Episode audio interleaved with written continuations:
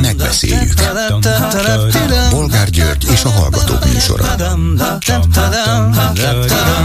A műsor telefonszámai 061 387 84 52 és 061 387 84 53.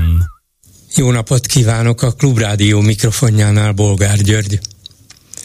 Mai műsorunkban beszéljük meg, hogy teljes erővel robbant ki a kultúrarc az elmúlt napokban Magyarországon.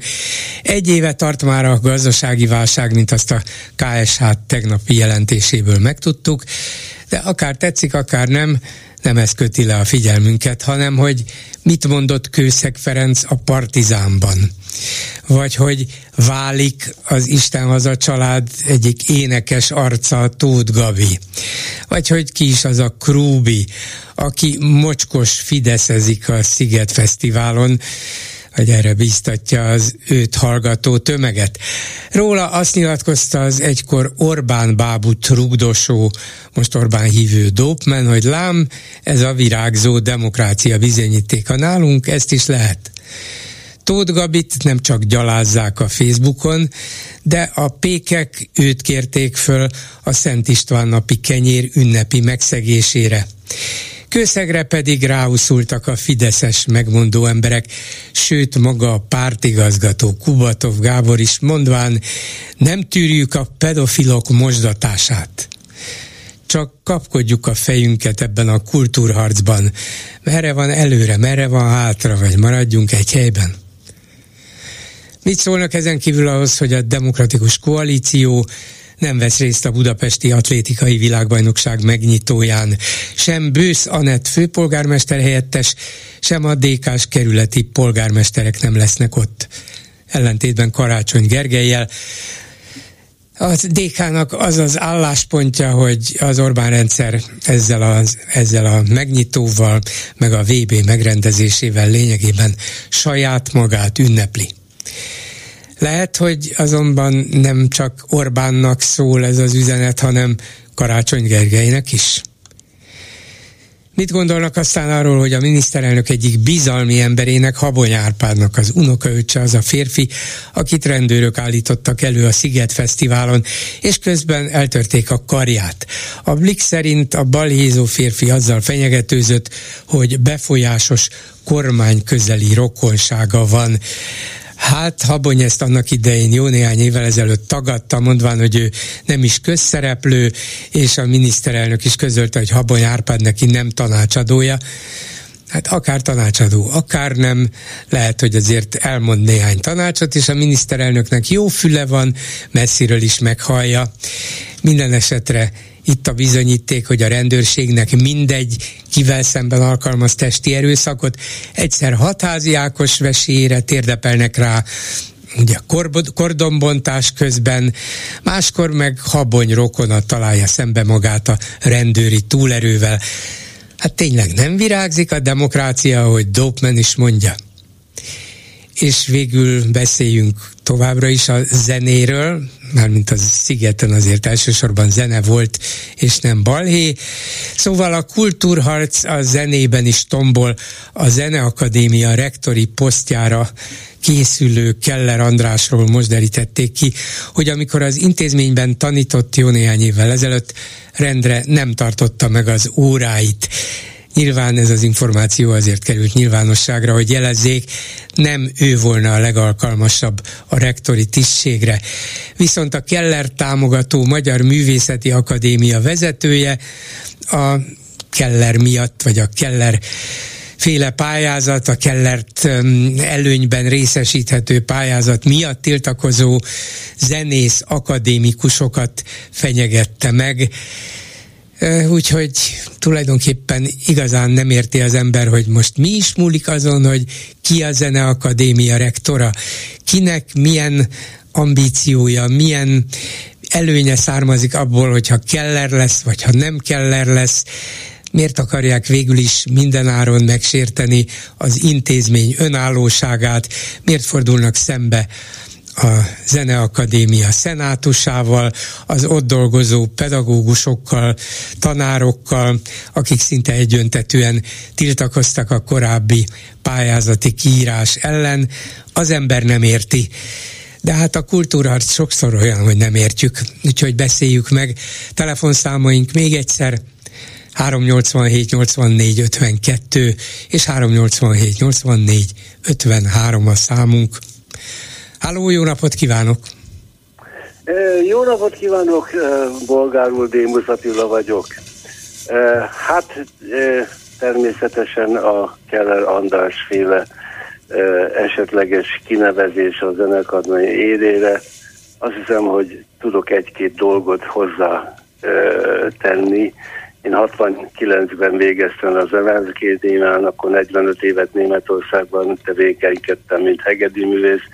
Most 10 éve már zenekari igazgató vagyok a, a Bruno Walter zenekarnak, és nagyon sok budapesti zenész, a legjobb zenekarokból, fesztiválzenekar, hangversenyzenekar, koncertó játszik nálunk, úgyhogy első kézből ismerem a Keller Andrásnak a személyiségét. Na most a következő, Keller András persze egy nagyszerű kvártetje volt, hát már ugye már nem. Ha most viszont van egy remek zenekar, a Concerto Budapest, ez egy nagyszerű hát, zenekar. Igen, a Concerto Budapest, amit egyértelműen azért tudott megszervezni, mert hát a pártunk, kormányunk ezt támogatta. Ő egy ötödrangú karmester, egy jó hangszeres zenész nem feltétlenül egy jó dirigens lesz belőle. Én Tehát olvastam ő... róla nagyon jó nyugati kritikákat, karmesterként is. Hát én teljesen másképp, másképp látom. Tavaly például a Angliában voltak, és, és a Times írt róluk remek kritikát Kellerről is. Hát nem mond, biztos, hogy nem ötödrangú. Hát akkor negyedrangú. Na, ez egész biztos sehol nem hívják meg, tehát semmi... Mondom, tavaly volt éppen nagy-Britanniában, Skóciában, Na, nem, Angliában. Úgy, hanem mint dirigens. Egy dirigensnek a, a hogy mondjam, a... Ja, hogy külön a dirigensként, nem a zenekarral együtt, hanem dirigensként nem hívják meg. Mint Ezt nem tudom, értem. Egyáltalán uh-huh. nem hívják meg, ahogy, uh, igen.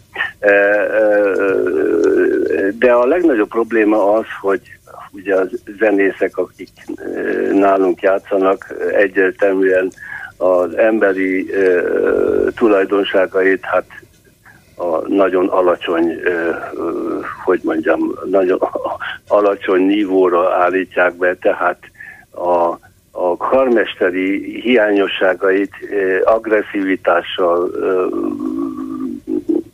zenészek kipecézésével, stb. próbálja elteríteni.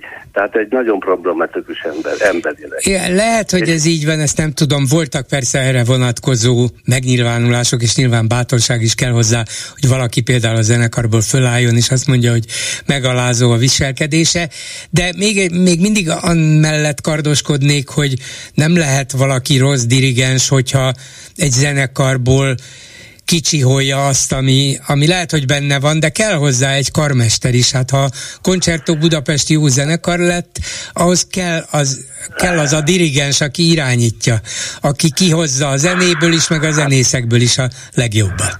Hát igen, jó, hát kicsit jobban értek hozzá, nem, nem, egy, nem, egy, nem egy óriási teljesítmény, egy olyan zenekarral, aminek a fele uh-huh. legtöbbször a, a a legjobb kisegítőkkel, uh-huh. vagy más zenekarokból áll.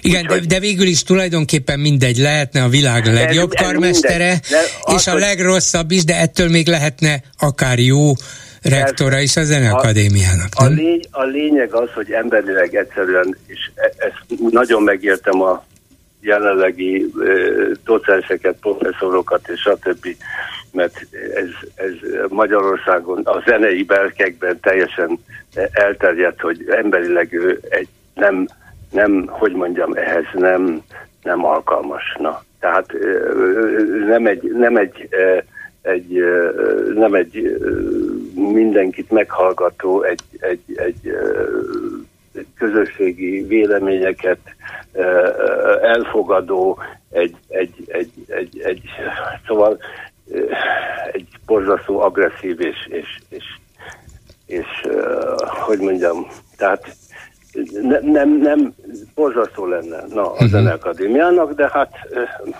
megy, De hát megtörténhet, ugye az a furcsa, hogy, hogy mi ebben a mi ebben most kicsit profánul az üzlet a kormánynak.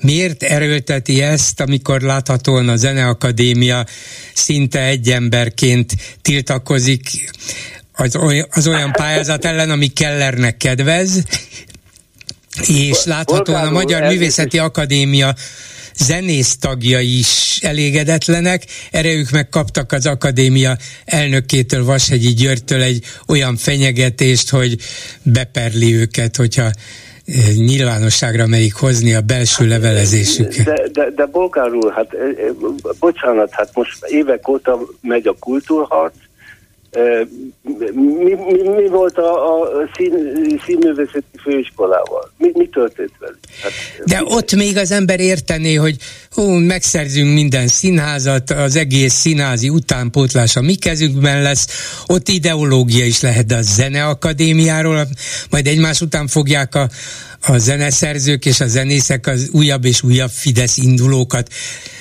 megírni hát, és megzenésíteni? De ne, ott nem értem. Ne, hát, de, de hát a ennek a, az alaptulajdonsága mindent nekünk. Semmit uh-huh. nektek. Nem így van? Ja, ebben igaza van. És ha Mindent, úgy érzik, nekünk, hogy Keller közelebb áll hozzájuk, akkor, akkor igen, legyen a mi emberünk ott, igen. Mindent nekünk, és akkor a következő kinevezéseket, akkor olyan, olyan ha valaki kiesik a főiskola, nem tudom, tanári karából, akkor egész biztos, hogy azok kapják meg, akik akik velünk vannak, akik miénk.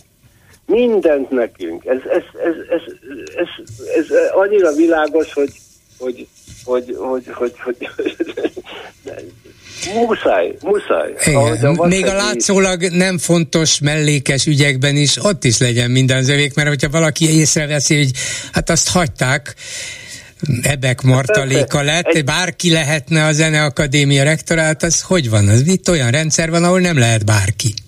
Igen, hát a, de hát a Zeneakadémiának óriási ugye, nemzetközi kapcsolatai vannak, stb. stb. És akkor ott lehet a, a Fidesz, hogy mondjam, ideológiáját terjeszteni, mondani, hogy szóval ez, ez teljesen világos, hogy mindent nekünk semmit a, a, a igen, ő, igen. Őket nem érdekli a, a, a színvonal. A, a színvonal teljesen nem érdekli őket. Őke, őket az érdekli, hogy mindent a, a, magunk alá kell gyűrni. Ez, Igen, azt hiszem, itt, világ... itt egyetértek önnel, valószínűleg ez van a dolog mögött. Ezt Persze. is meg kell szerezni. Hát most éppen kínálkozik, mert új rektort kell választani, hát a mi emberünk igen. legyen. Mit ugráltok? Igen. Igen, igen, igen. Hiába alkalmatlan, hiába akármi, de legyen ő, mert akkor garantáltan a mi emberünk, és, és ő fogja képviselni a világba a, a, a Akadémiát. Na, hát Köszönöm sajnos. szépen, igen, valószínűleg így van. Minden jót, viszont hallásra. Minden jót. A telefonnál pedig Havas Henrik, szervusz Henrik. Szervusz, jó napot. Amióta ilyen rendszeresen, lelkesen Facebookozol, azóta néha nem állom meg, hogy ne beszélgessünk itt a rádióban. És most itt van ez a nagyon szerencsétlen kőszeg ügy, vagy Gulyás Marci ügy, vagy Partizán ügy, hát kőszeg ügy, mert a Fidesz rögtön kőszeg ügyet csinált belőle, te pedig inkább a másik oldaláról fogtad meg a dolgot, mondván, hogy Gulyás Márton ugyanolyan totálisan tehetségtelen, mint Friderikus. Nekem azért vannak ezzel szemben fenntartásaim, mert szerintem se Gulyás, se Friderikus nem tehetségtelen, ez olyan havasi túlzás, de abban egyetértek veled, hogy azért itt nem elsősorban kőszegügyről van szó, hanem arról, hogy Gulyás Márton partizánjában miért jutottak ide ebben az interjúban, hogy Kőszeg olyanokat mondott, amik hát vagy vitathatóak, vagy amikre nem lett volna szükség. Nem tudom, miért zörög a vonalunk, hallasz engem egyáltalán?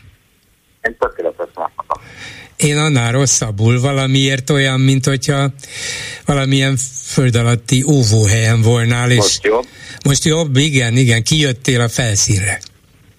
Na. E, Figyelj, mielőtt kérdezni, kérdezhetek tőled valamit? Aj, ezek az újságírói trükkök, amikor az interjú alany kérdez, hát persze. Uh, Shakespeare Romeo és uh, Júliájában uh, a Júlia hány éves volt? Fú, tizen. Tizen valahány. Na. Ha arra célzol, hogy kiskorú, akkor igen, kiskorú volt. Igen, igen, igen, igen. Na most mondd meg nekem őszintén, de azért szándékosan nem a Thomas Mann hozom elő, vagy a Nabokko volt a halálvelencében, ami, amire céloztam az írásomban.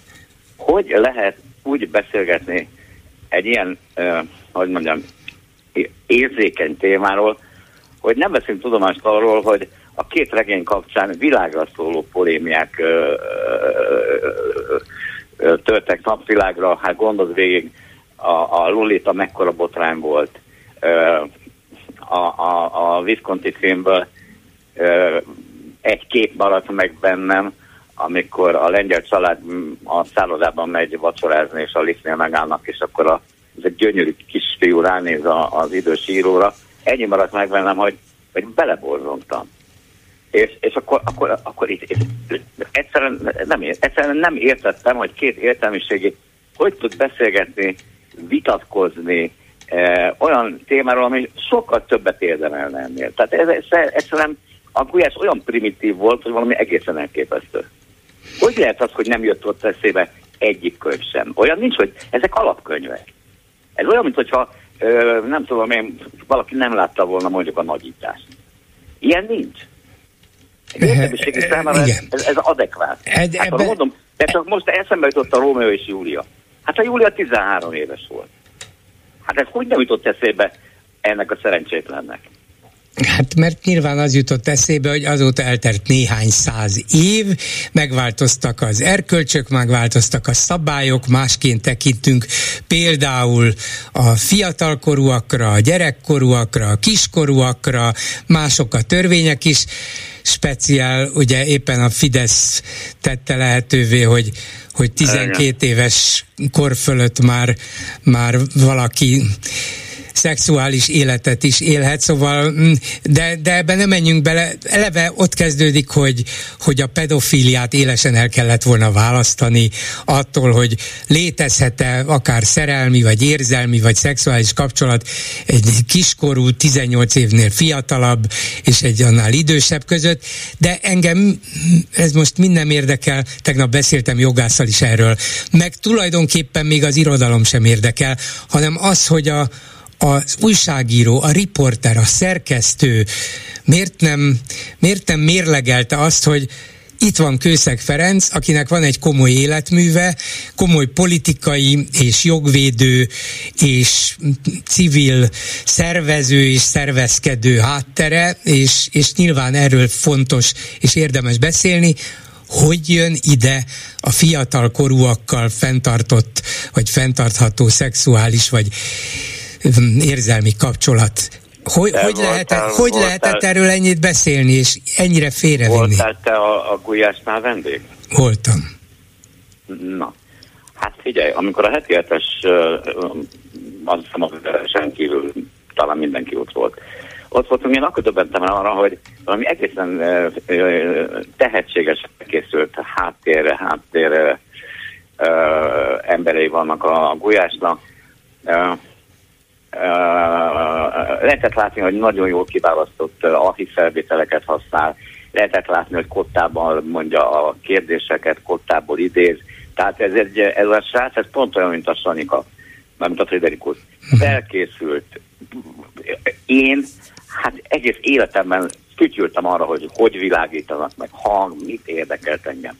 Ez ilyen típusú emberek, mint a Friderikus vagy ez a srác, ezek felkészültek, ezek, ezek profik. És van egy nagyon-nagyon jó hátterük. Na de hát a, a gondok ott kezdődnek, amikor, amikor mondjuk a kőszeg életműve. Ez egy életút interjú. Hát te figyelj, röpködtek a kifejezések, a szabad kezdeményezek hálózatától kezdve a beszélünk keresztül, éppen csak mint a nem említették, a az egykori oktatási miniszter. Megint, megint valami borzalom történik a telefonoddal, vagy a köztünk lévő távolságon. Én nagyon jól hallom. Most megint jól. Talán tartsd Na, közelebb a, a készülékedet. Azt akarom mondani tehát, hogy amit, amit, amit le is írtam, hogy nem lehet úgy, nem lehet úgy interjút készíteni, és nyilván amatőr, tehát nem tanulta, nem tanították, nem ment át egy olyan iskolán, mint mondjuk én a, a, a 168 oránál, ahol te is uh, dolgoztál a mesterákosnál, de mindegy, ez a srác, ez egy dilettáns. És egymás után teszi fel a kérdéseket, és nincs íven az, az egésznek. És ráadásul kicsit emlékeztet a másik dilettánsra, a Vámos Miklósra, aki aki, én mindig néztem a Vámos Miklós műsorát, és rettegtem, te Jézus Mária, mondom, meg vannak előre beszélve a poénok, a kérdés, a válasz, nem, nem, közelebb, nem, közelebb tartsd azt a telefont, mert ha távolabb mész, akkor, akkor valamiért eltűnik a hangod, és elkezd szakadozni. Na jó, akkor most hallasz? Most igen, megint hallasz. Jó, azt akarom csak mondani, hogy, hogy, hogy egy beszélgetést fel kell építeni arra nem lehet, tehát az úgy nem megy, vagy csak nagyon rikán, mondjuk a Vámosnak sikerült, amikor előre elkészítek tíz poén előre előinterjú keretében kitapogattam, hogy mi az az izgalmas ügy, téma, ami, ami, ami, ami, ami eldobja a beszélgetést, amit majd másnap emlegetnek az emberek. Szóval még egyszer mondom, vissza, engem az egész egy Szóval nem lehet, nem, lehet, nem lehet a magyar Bálintot emlegetni, amikor nem, nem tudnánk, hogy ő ki a bánat. És, és hidd már el nekem, hogy ugye a, a, az egyik unokám most egyetemista.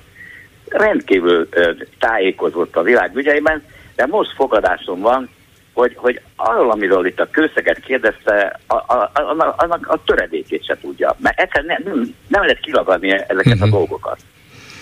Hát igen, és hogyha Na már valaki, az... valaki behoz ilyen fogalmakat, meg egykori eseményeket, meg szervezeteket, akkor meg kell magyarázni, hogy én ezt most azért kérdezem, mert ez és ez, ekkor is ekkor ezt és ezt csinált, tehát nem lehet bedobni ilyen évtizedekkel ezelőtti fogalmakat, meg embereket, meg történéseket, hiszen az, aki nézi, valószínűleg semmit nem tud róla. Meg kell, valahogy meg kell segíteni azt a nézőt, de ez nem történik meg. Itt egy ezt agendát... A sipospát, ezt a, bocsánat, Igen. a sipospát úgy elkezdték, kötelező, Igen. kötelező lenne emlékezni arról, Elmegy megint a hangod, Henrik, elmegy a hangod, elmegy a hangod.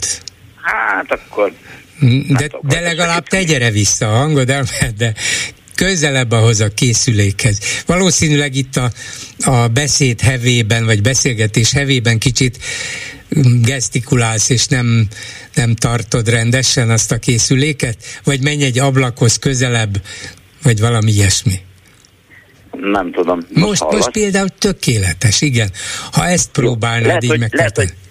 Figyelj, e, e, ez azért érdekes, hogy most hallasz.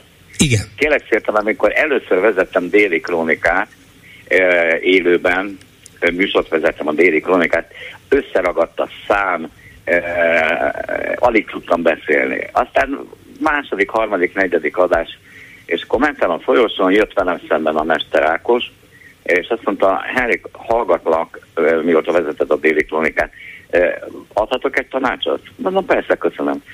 Beszél halkabban. És onnantól kezdve rendben voltam. Uh-huh. Most ennek a ennek a srácnak, ennek a, a gulyásnak egyszerűen, egyszerűen nincs, nincs Mester Ákosa, vagy hogyha már a hírszerkesztésre hivatkoztam, hogy e, e, e, éppenséggel tőle tanultam egy gyerek közt a, a hírszerkesztést, hogy mindig abból kell kiindulni egy hír megfogalmazásánál, hogy azt a hallgató most először hallja. Világos, ugye? Na persze, persze. Na de ennek a gulyásnak ezt senki nem Nem, nem, nem, de hát ez bizonyos értelemben egy pozitívum is, hogy ő egy self-made menő. Maga csinálta meg magát, és kiképezte magát riporterré, tévéműsor szerkesztővé. Az, az eredmény az szar.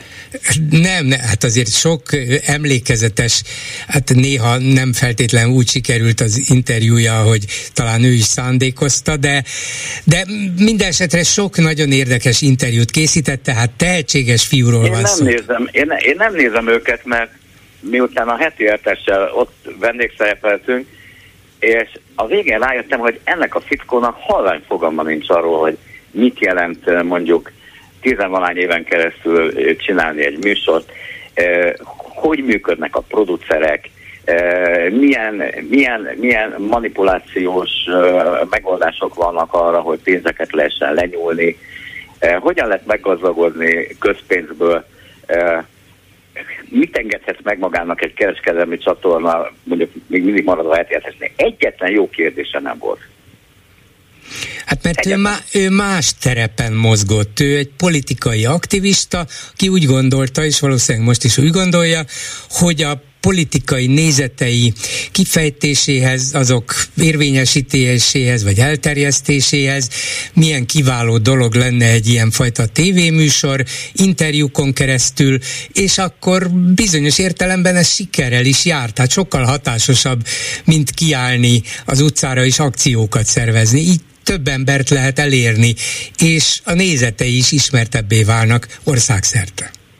Te figyelj, engem, engem ebből a szempontból piszkosul nem érdekel.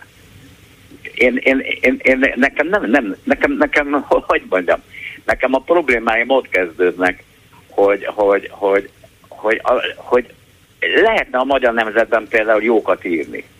De nem olvasol jókat, mert aki tudnának jót írni, nem, nem, nem, nem írhatnak, akik meg ott vannak, azok meg, meg borzalmasak. Na mindegy, szóval a dolog lényeg az, hogy én, én akár nincs ezzel semmi bajom a gulyással. Csak nem tudom, kicsit, kicsit végig kéne gondolni a dolgokat, mert ez a kőszegügy is 20 percen vagy 20 valány percen keresztül uh, rágták a gittet, miközben még egyszer mondom, egy olyan témáról volt szó, amit a világirodalomban már feldolgoztak, amit a félvilág a Lolita kapcsán uh, megbeszélt. A Wisconsin film az egész világon átsöpör. Hát most akkor, akkor most é, igen, de ettől, ettől még lehetne néhány évtizeddel később, 2023-ban más véleménye bárkinek róla, akár úgy is, hogy tud a Rómeó és Júliáról, akár úgy, hogy nem, vagy már ezzel nem hozza kapcsolatba, de a lényeg az, hogy miért Kőszeg Ferencnek, ezt mással kell megbeszélni, hát nem lehet egy ilyen interjút félrevinni, és itt jön be az újságíró vagy nem újságíró kérdése. Egy újságíró, egy szerkesztő, egy riporter, úgy építi föl azt a bizonyos életinter, életműinterjút közszeggel, hogy az ő tevékenységéről akár azt vitatva, akár annak az eredménytelenségét vagy eredményeit kipécézve és hangsúlyozva, vagy, vagy leszólva, mindegy. Mi a véleménye róla, hozza ki belőle azt, ami, ami 84 éves korában kőszektől elvárható, és próbálja akár provokálni is ilyen ügyekben. De hogy jön ide a pláne pedofilia, amikor pedofiliáról szó sincs, de a fiatalokkal, fiatal korúakkal fenntartott szexuális vagy érzelmi, szerelmi kapcsolat. Hogy? Te ide figyelj, e, tehát el tudod képzelni, hogy, hogy mondjuk én készítek interjút a, a Közek Ferenccel, e, felkészülök, és azt az egy kérdést nem teszem fel neki, ami így utólag lett igazán érdekes, hogy mi lett a Helsinki bizottsággal? Ő 20 évvel ezelőtt miért hagyta ott? Erre a Helsinki Bizottság elhatárolódik tőle. Ő meg a tiszteletbeli elnökséget lemondja. Hát, mivel foglalkozik az utóbbi húsz évben?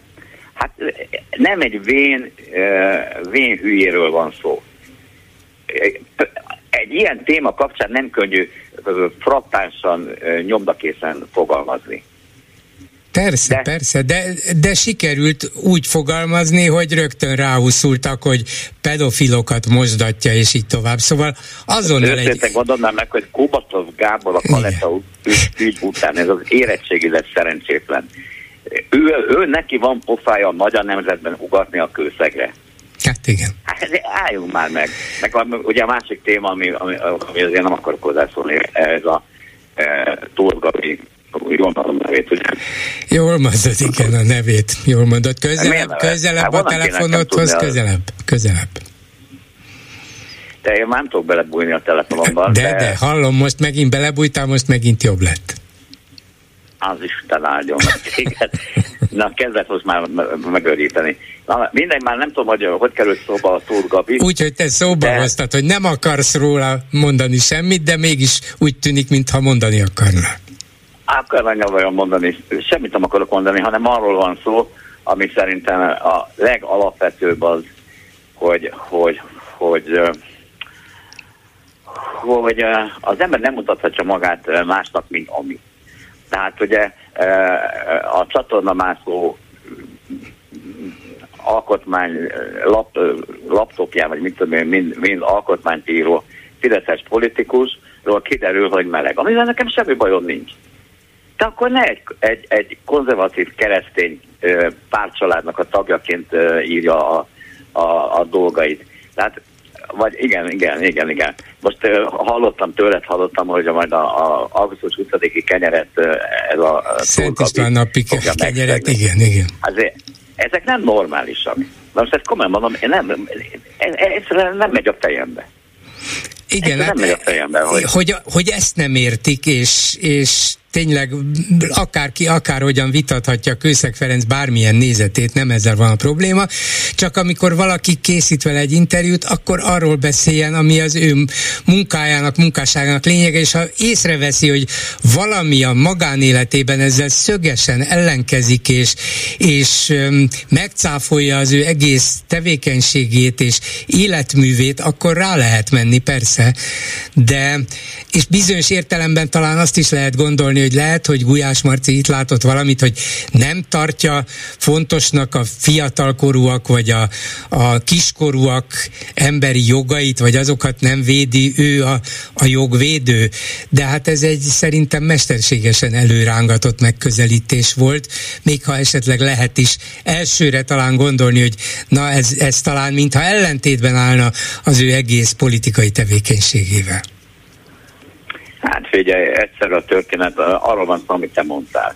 Ő egy, ő egy aktivista volt, a, ez a Gulyás Márton, és rájött arra, hogy, hogy a technológia lehetővé teszi, hogy még nagyobb körben terjessze az általa fontosnak vélt elveket, és ehhez elköze ugyebár ez a műsor. Az, ez a műsor pedig akkor lehet hatásos, hogyha hatásos témákat dob föl, a rámenős, a stílus, a stb. stb. És ebből a szempontból most mondjuk azt, hát róla beszél az egész ország, mi ketten is róla hát, Igen, igen, ez stimmel. Igen. A semmi. Tehát idegesít. Értem. Jó, akkor bár az utolsó szavaid megint eltűntek a semmiben, de az utolsó, hogy idegesít, az visszajött, és ez a lényeg. Köszönöm okay. szépen. Szervusz, Henrik, minden jót. Szia, viszont. Háló, jó napot kívánok!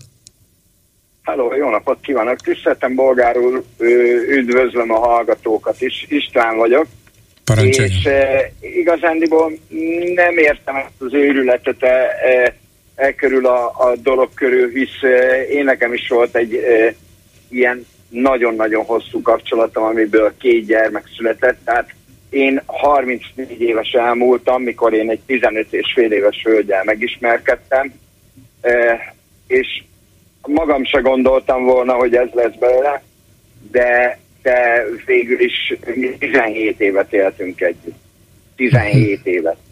És nem éreztem magamról azt, vagy nem éreztem azt, hogy, hogy én bármiféle bűnt követnék el, mert ő volt 18, sőt, még akkor 16 sem volt de Tehát, például ak- akkor nem, nem gondolt bele abba, hogy nem csak a korkülönbség nagy, de hát mégiscsak gyerekről van szó. Biztos, hogy nem sok szempontból valaki nem. már 16 éves korban sok szempontból nem gyerek, de azért az emberben föl kell, hogy vetődjön az, hogy biztos, hogy tudja ez a lány, hogy mit akar, hogy velem akar lenni, hogy velem akar élni, és így tovább.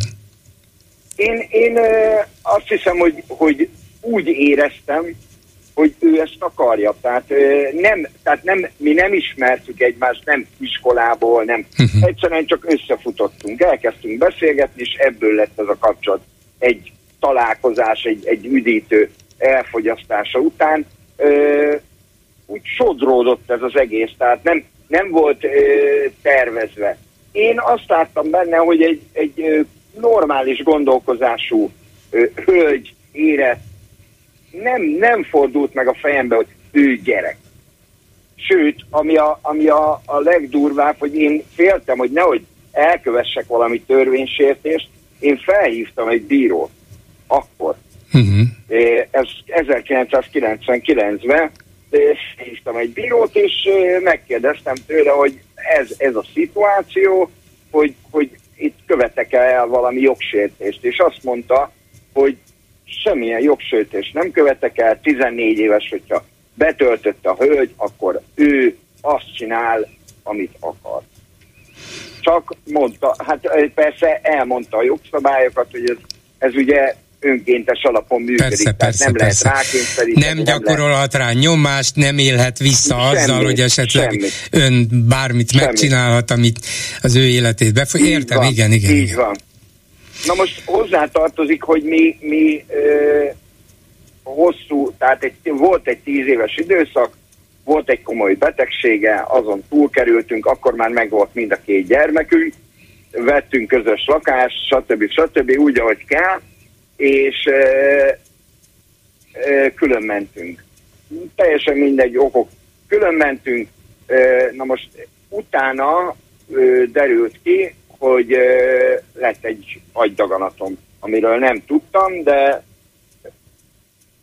de bevét lett az agyam, és felvittek a, a, az amerikai útra.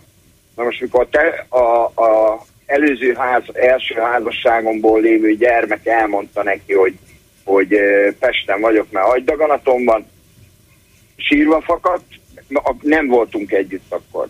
Tehát volt egy évszünet a, a kapcsolatunkban. Sírva fakadt, és az volt az első dolog, hogy fölült a vonatra, és följött hozzám. Hát igen, nehéz ezt Tehát... kívülről megítélni, de a lényeg az, hogy ez nyilvánvalóan abból, amit leírt, ez abszolút nem minősíthető pedofiliának, nem. még akkor sem, hogyha nem. ha ez a lány akkor 16 éves volt, és nem töltötte igen, be a 18 de... évet, nem volt nagykorú. Vannak, van, vannak ilyen akkor... helyzetek az életben, és és, és amikor ezt, ezt politikai szintre emelik, és rögtön a másik... Ez, ez nagyon, ez, nagyon ez a legborzasztóbb. Ez, ez szörnyű. Egyébként a Gulyás Mártont én is kedveltem is, de, de már akkor, akkor egy kicsit ö, nálam megtört ez a kedvelés, mikor, mikor kiúzta a Márki Zaj Péterből azokat a szavakat, amiket, amiket utána, ö, amire egy kampányt építettek a, a, a Fidesz.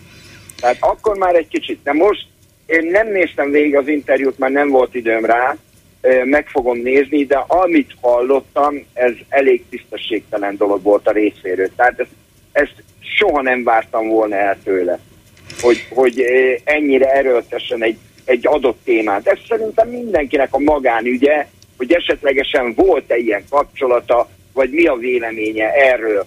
Ha egy, egy hölgy elmúlik 14 éves, és az, az, az, az normális gondolkozású, nem egy szellemi fogyatékosról beszélgetünk, mert ugye az egy teljesen más kategória, amikor egy szellemi fogyatékos nőről beszélünk, de aki, aki tisztában van azzal, hogy ő, sőt, tudod, nagyon sokat hallottam arról, hogy vannak olyan lányok, hölgyek, fiatalok, 15-16 évesek, kimondottan az idősebb férfiakat kedvelik. Persze, hát és nem, hát az, nem, hogy tizenéves, igen, tizenéves korban a szexuális élet ma már teljesen általános, sőt a Fidesz kormányzat hozott olyan törvényt, hogy 12 tudom, éves kortól tudom. már lehet, de ez a beleegyezés Én... korhatára, 18 éven aluliakkal lehet szexuális kapcsolatot folytatni. Én... Tehát sok minden van, megértem. az élet sokféle. Én erre, tehát hogy ez jó ez a jogszabály. Én, én úgy gondolom, hogy ezzel elébe mentek egy csomó olyan büntető eljárásnak, ami, ami megtörténhetett volna. Mert mindenki tudja azt, hogy 13 évesen érettek a nők, 12 évesen. A fiúk is 14-15 évesen. Na most e, e, nem vagyunk mi a jó Istenek, hogy megmondjuk egy, egy két ilyen fiatalnak, hogy esetleg összebújhatnak, vagy nem bújhatnak össze. Mit vagyunk? Tehát én, én azt mondom, hogy hogy ez egy, ez egy helyes döntés volt az én véleményem szerint. Uh-huh. De a lényeg de a az, hogy a pedofília oldal... meg egész más dolog. Az, amikor tényleg a, a 12 éven aluliakkal, akik, akik tényleg nincsenek is még tudatában, se szellemileg, Így sem van. máshogyan, és, és az velük való testi és egyéb visszaélés egy, egy felnőtt részéről, hát az tényleg büntetendő. De az Na is egy más dolog. Teljesen más lett volna a helyzet akkor, ha mondjuk én a tanára vagyok akkor ez már, Igen. ez már megint Ez már visszaélés a hatalmi helyzetével. Így van, pontosan, erről, erről van szó. Na most ezért mondom, a, a mi kapcsolatunk, külön váltunk egymástól, ő férhez ment, ő élet együtt élt a férjével, hát történt egy olyan dolog, aminek nem kellett volna megtörténni, és ő, ő elkezdett, tehát a barátnőjénél aludt, és én mondtam, hogy figyelj, a gyermekek, tehát mind a két gyermek akkor velem élt, praktikussági okokból, már mind a két közös gyermekünk, és én mondtam neki, ide figyelj, a kislányomnak szóltam, hogy kislányom, már ő is felnőtt, menj oda anyudhoz, pakolj össze a cuccát, ragd be a kocsiba, és hozd el. És addig, amíg nem talál magának egy albéletet, vagy egy megfelelő helyet, addig, ameddig akar, ott marad nálunk, mert, mert, mert, mert helye van. Tehát ő, ő a család része, és a család része lesz mindig is. Napi szinten beszélünk egymással, ettől függetlenül nekünk a kapcsolat addig fog tartani, már mind ilyen baráti vagy, vagy ö, ö, ö, ilyen szempontban kapcsolatunk, amíg élek, vagy amíg ő él. Ettől függetlenül hogy, hogy lehet, hogy az emberek azt mondanák, hogy 15 és fél éves, 34 és, és, és, és ez így. Tehát akkor, akkor lehet, hogy furcsa, de utána mindenki elfogadta. Sőt, a, az első házasságomból a gyerekek is tökéletesen elfogadták. Mikor lelkibeteg volt a vállás után, közös éjszakai strandolásra mentünk, a gyerekeim az első házasságból, második házasságból, a volt feleségem, ő, tehát szakpa, és jó érezte magát. Hát, hát nézze, mind a kettőknek ezt mondom, hogy igen, ezt egymás közt kell elintézni, kívülről ebbe beleszólni nem Persze. lehet, csak akkor, de akkor Így bele van. is kell, amikor az ember kívülről azt látja, hogy valakinek a, a valakivel vissza, valakinek az életében úgy nyúl bele valaki más, hogy visszaél az ő naivitásával, jó hiszeműségével, és, és azt nem szabad megengedni, főleg, hogyha az illető valóban kiskorú, és elfogadja nála idősebb és tapasztalat, tapasztaltabbnak, meg, meg okosabbnak vélt embernek a egyébként saját önös érdekei miatti beavatkozását az életébe, de Igen. különben hát ezt egymás között kell eldönteniük, úgyhogy jó egészséget Én... kívánok önnek. Nagyon szépen köszönöm. Köszönöm, viszont hallásra. Háló, jó napot kívánok. Üdvözlöm, Bolgár úr. Parancsoljon. Hát éppen pont az előző hallgatóra szeretnék reagálni. Igen. Gyermekvédelemben dolgoztam tíz évig sőt, inkább 15. Ezek a leány gyermekek, akik ilyen idősebb férfiakhoz vonzódnak, nyilván a legtöbbjük azért teszi, mert oda-haza molesztálva voltak. Ez megcáfolhatatlan tapasztalat. Tehát apa helyett keresnek egy megbízható apát, valahogy így? Igen, pontosan erről van szó és ö, ezek a leánygyermekek sajnos ö, az ilyen emberek által, akikhez fordulnak segítségért, ahelyett, hogy apjuk helyett apjuk lenne. És azt mondaná, hogy drága gyermekem, mint ahogy az előző úr is elmesélte, hogy ő vannak még egyéb gyermekei, meg felesége, meg nem tudom én micsoda. Azt mondta ennek a kislánynak, hogy kicsikém, jó, gyere, barátkozzál a gyermekeimmel. Mire van szükséged? Egy szelet zsíros kenyérre? Vagy csak arra, hogy olvassak neked mesét? De nem párkapcsolatot létesítek egy 20 évvel fiatalabb leánygyermekkel. Bolgár úr, hol élünk? Hát biztos, hogy nagyon sokan vannak így, igen, akik visszaélnek azzal a, azzal a segítséget kereső öm, emberrel, lányjal, aki, aki hozzájuk fordul, ki tudja miért, ki tudja milyen helyzetben, de nehéz ezt kívülről megítélni, ön nyilván jobban tudja, mert ezek szerint ilyen emberek és gyerekek között mozgott, tehát jobban látta ezt.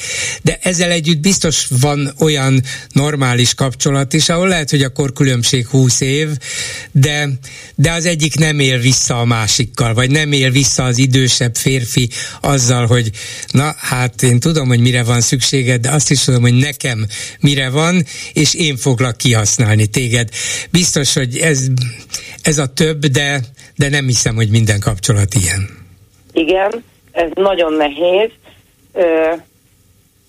A munkámon kívül, tehát egy teljesen civil történet, amikor egy 16 éves leány gyermek elveszítette a szüleit.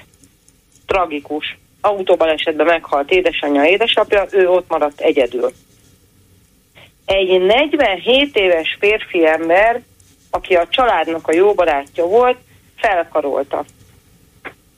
A 47 éves férfi ember semmit nem akart a kislánytól, de a kislány addig nem nyugodott, amíg nem lett kettejük között valami egy dologért. Hogy ő biztonságban érezze magát, hát mert igen, azt, gondolta, igen, igen. azt gondolta a leánygyermek, hogy akkor van biztonságban, ha annak a férfinek megadja Igen, azt, ha, ha a... ő is ad valamit, ha nem csak elfogadja azt, amit Igen. az a Igen. férfi ajánl. Igen, ez teljesen igaz, ez egy abszolút abszolút létező és ne, nagyon valós motiváció, és, és erre azt lehet mondani valóban, hogy hát ez a férfi nem erőszakolt rá semmit, sőt segíteni akart, de mégis a helyzet olyan volt, hogy a, a lány szinte és nem a lánya bűnös, nem a lánya bűnös, meg. igen, nem a lánya bűnös, hiszen ő csak biztonságot szeretett ő volna. Csak, igen, ő csak meg akart felelni, és ő csak ott akart maradni a kis biztonságba.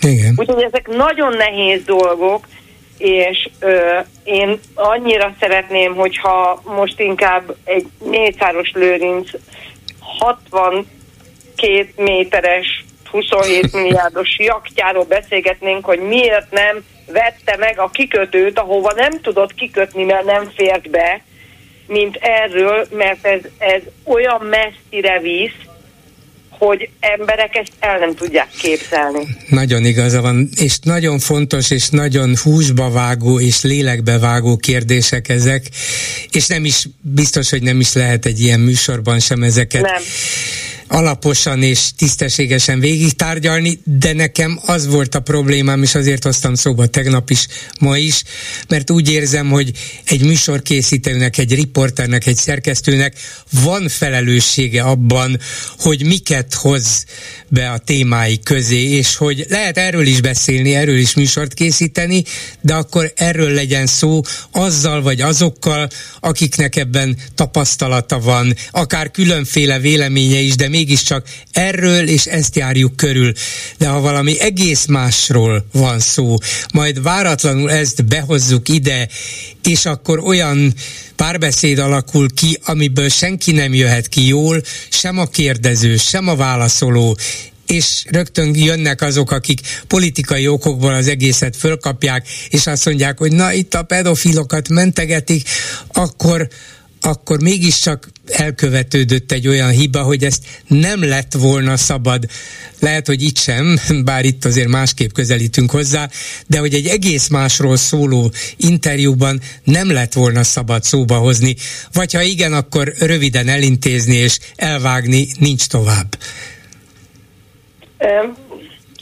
Érti, amit én mondok. Tehát, hogy hogy ez egy olyan messzire vezető, de olyan, olyan szinten messzire vezető, és, és tényleg embereknek az életét ö, darabonként kell minden embert megnézni, hogy kit, miért visz rá erre Igen. vagy arra. Igen. Egyik oldal, másik oldal.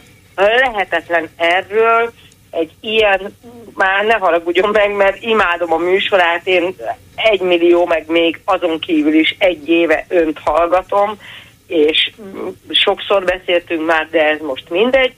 Ö, nem lehet. Tehát ez pont nem az a téma, amit egy ilyen betelefonálós műsorban igen, igen. Nem is mondom, nem is erre az, ebbe az irányba vettem volna, vagy vittem volna a beszélgetéseket, tegnap is inkább a dolog jogi oldalát, hogy egyáltalán mit nevezünk pedofiliának, vagy milyen szabályok, törvényi szabályozások vannak, de főleg az újságíró felelősségét próbáltam, és próbálom boncolgatni, nem mindig rajtam múlik, hogy aztán ki milyen szemszögből közelíti meg a dolgot, de szerintem az újságírónak van felelőssége, hogy ezt ne hozza szóba, ha Igen. nem ez a témája. Erre gondoltam, hogy ez a felelősség létezik, és hogyha idáig idáig fajulnak a dolgok, ameddig fajultak, és még ki tudja, hová fognak, akkor abban van felelőssége annak, aki ezt az egészet elindítja. Igen, ez, ebbe közöttünk nincsen vita. Hát jó, és igaza van, igaza van, hogy még a látszólag megnyugtató kapcsolatok, megnyugtató, bár szokatlanak látszó kapcsolatok mögött is ott lehet valami egész más meggondolás, ami mégiscsak azt sejteti, hogy nem normális az, és nem fogadható el nagyon sok esetben, vagy az esetek többségében, hogy, hogy egy, egy gyerekkorú lány valakihez miért fordul, valószínűleg a, a biztonsága a legfontosabb, és azzal nem szabad visszaélni. Vagy megadja az ember, amit tud, de nem szabad tovább menni, ez biztos. Ez, ez, ezt akartam mondani, hogy hogy én, én üdvözlök minden olyan férfi embert, aki összetalálkozik egy 15-16 éves kislányjal, aki odabújik, és azt mondja, hogy, hogy itt akarok veled lenni, apu. Akkor ezt hallja meg. Igen.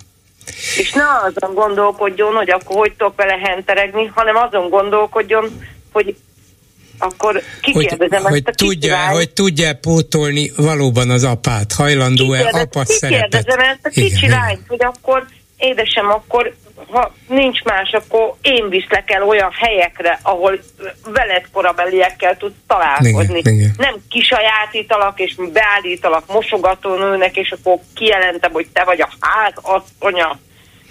Hát, na, ilyenekkel találkoztam. Biztos, biztos így van. Szörnyű, Köszönöm. Szörnyű, igen, bolgár igen, úr. Igen. Komolyan mondom magának, hogy el nem, el nem lehet sorolni, kevés.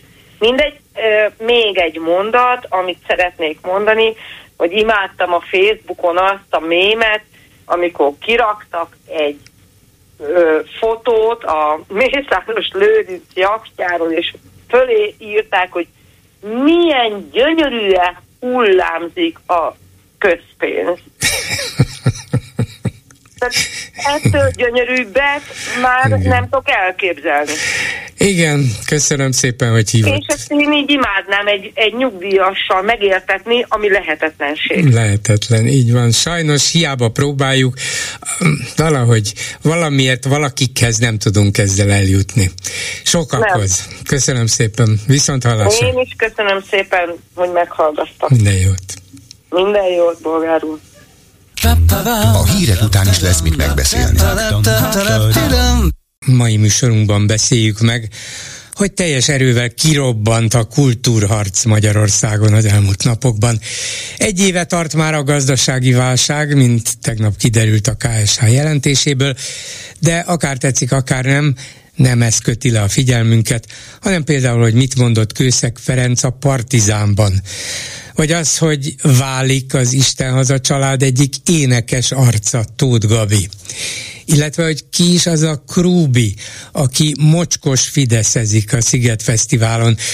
Róla például azt nyilatkozta az egykor Orbán bábut rugdosó, most Orbán hívő Dopman, hogy lám ez a virágzó demokrácia bizonyítéka.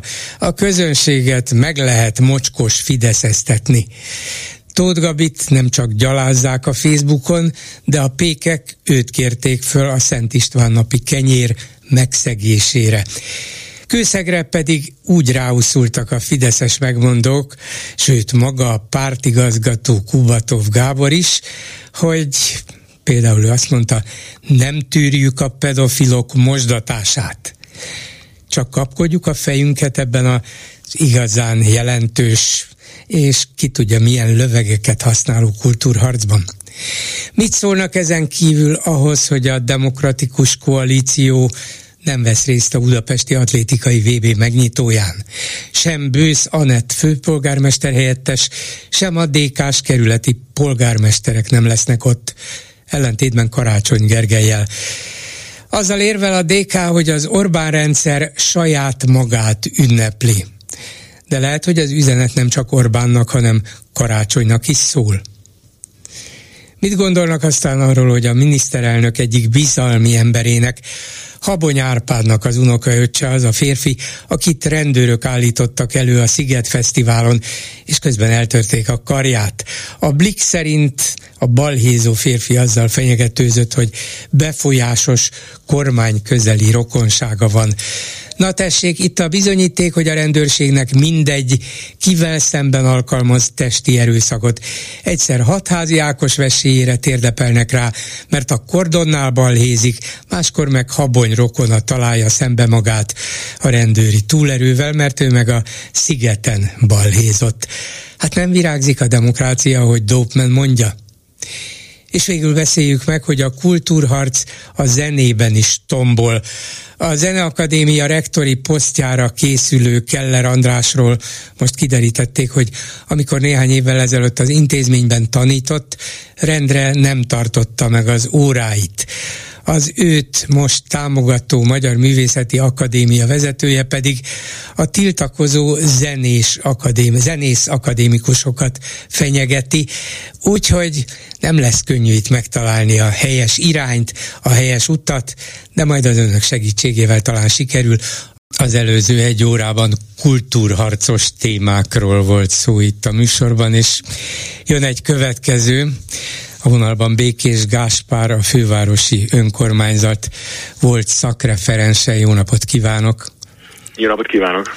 Akinek ügye majdnem három évvel ezelőtt nagy visszhangot váltott ki, aztán rövid úton eltávolították önt a fővárosi önkormányzattól, azóta is perben és talán haragban is áll a fővárosi önkormányzattal. Minden esetre a pernek még nincs vége.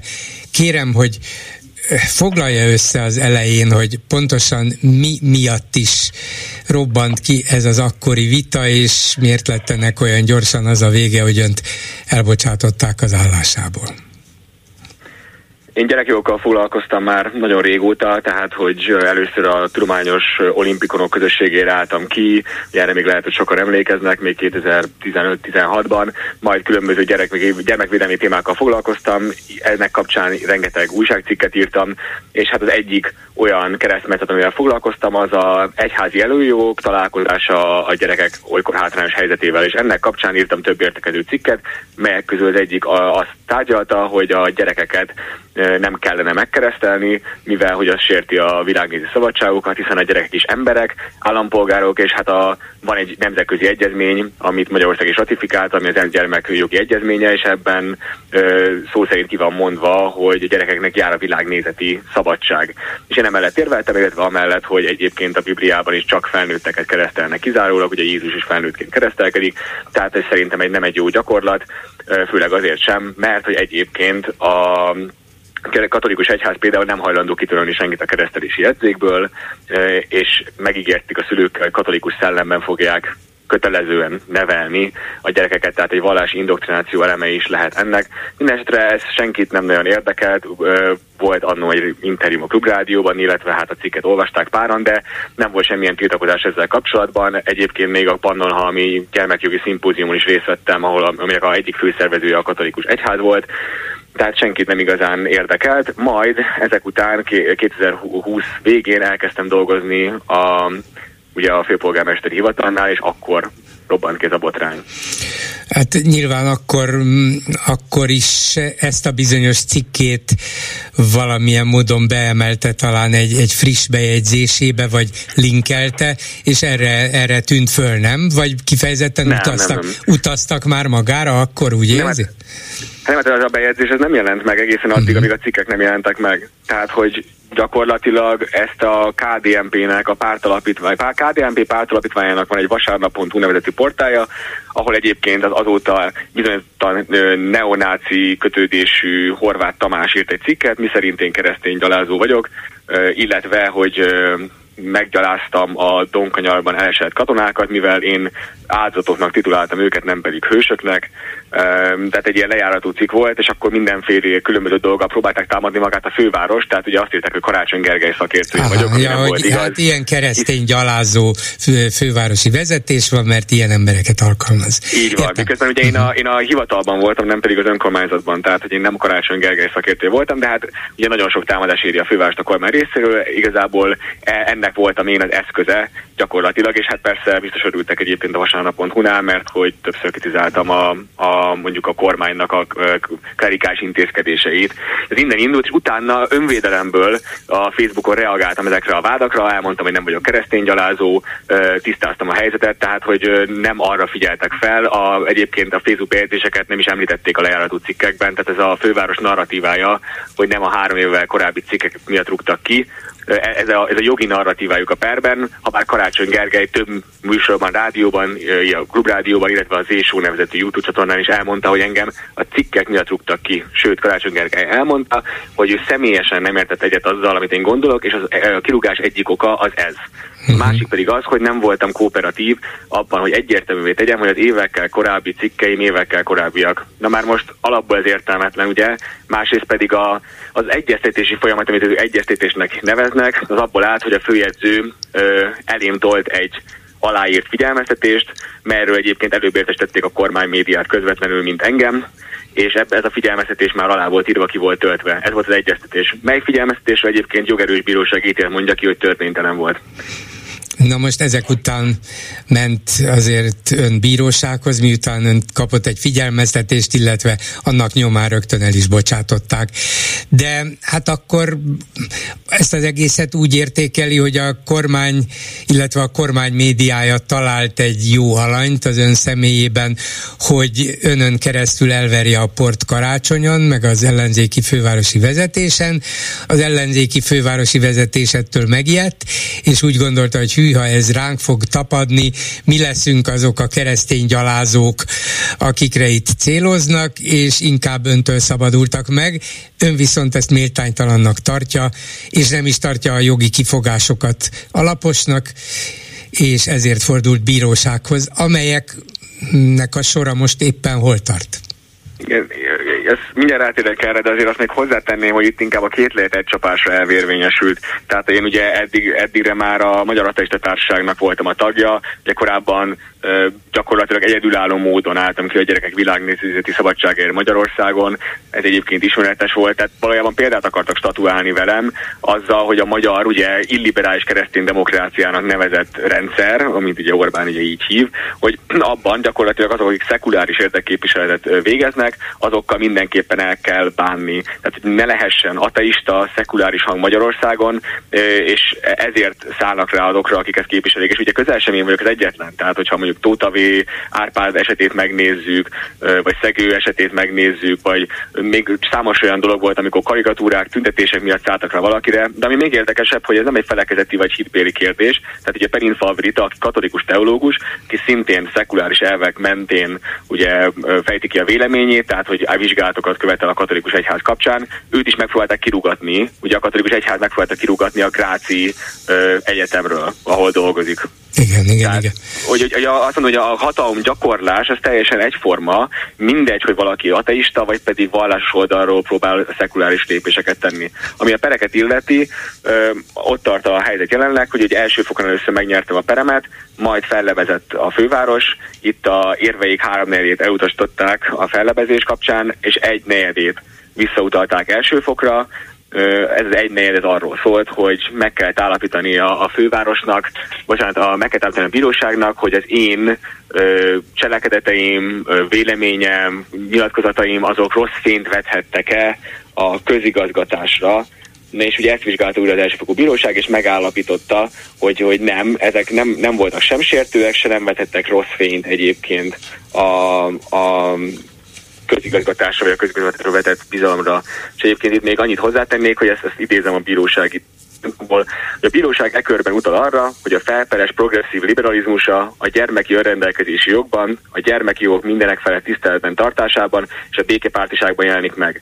Ez az, ami kifejeződik a felperes cikkeiben és bejegyzéseiben. A bíróságnak a felperes ezen politikai véleményét kellett azon szemszögből vizsgálnia, hogy a cikkek tartalma, kifejezés módja a jó közigazgatásba vetett bizalom fenntartását akadályozza-e.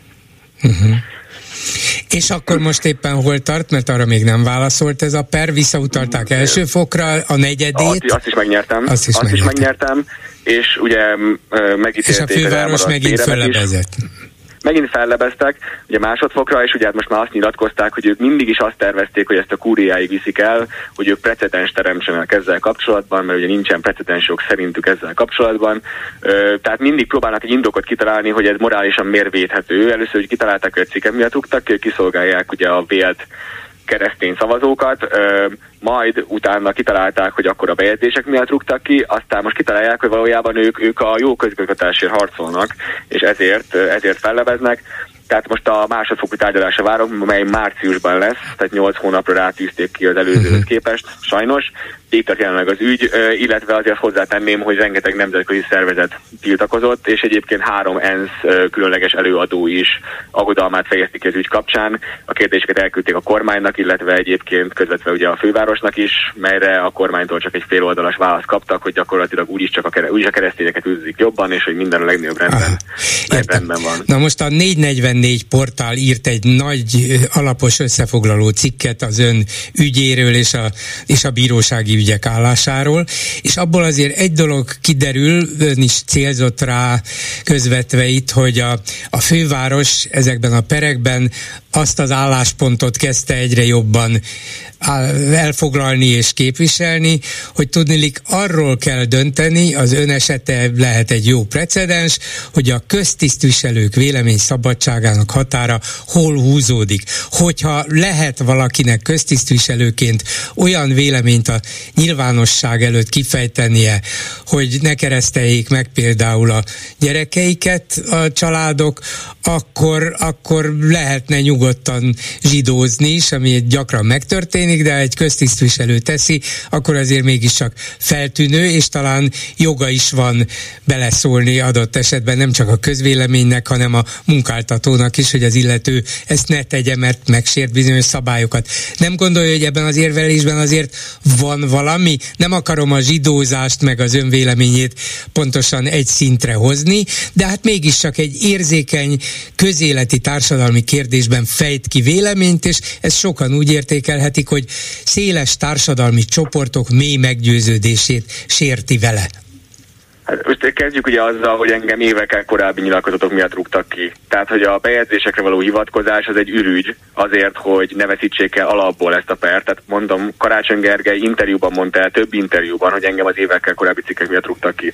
Tehát, hogy ezek után ők a bejegyzésekre hivatkoznak, ezzel csak próbálják menteni a mentetőt, és most azért, hogy ezt a pert le, hogy ha legyen egy halvány reményük, hogy ne veszítik a pert, inkább a, egész Magyarországon az összes ember jogát korlátoznák, csak azért, hogy, hogy ezt megúszszák.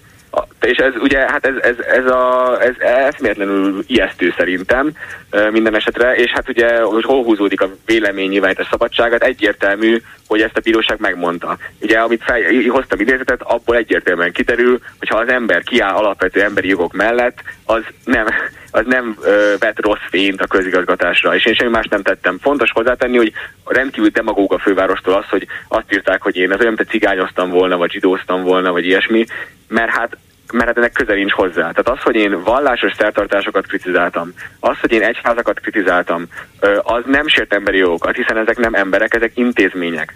Tehát, hogy, az, az emberek hitét kritizálni, vagy ezzel kapcsolatban őket kritizálni, az egészen más, mint intézményeket kritizálni, vagy szokásokat kritizálni. Tehát, hogy a, a másik dolog meg, hogy az emberek szubjektív sértettségérzete, az szubjektív. Ezt, ezt hogyan fogjuk megmérni? Tehát, hogy egyébként pedig hozzátenném, hogy az egyházak nem tiltakoztak, valódi felekezeti csoportok nem tiltakoztak. Két, két fél tiltakozott, a KDNP és annak a pártúságja és a ahhoz kapcsolódó kormánymédia, illetve a főváros. Ez a két entitás fogott össze, és hogy ők megmondják, hogy szerintük mi sértő a keresztényekre. De szerintem valójában az a sértő a keresztényekre, azt gondoljuk, hogy ők intoleránsak, hogy ők nem hajlandók meghallgatni az ellenvéleményt, és hogy ki akarnak mindenkit rugatni, aki esetleg nem ért velük egyet.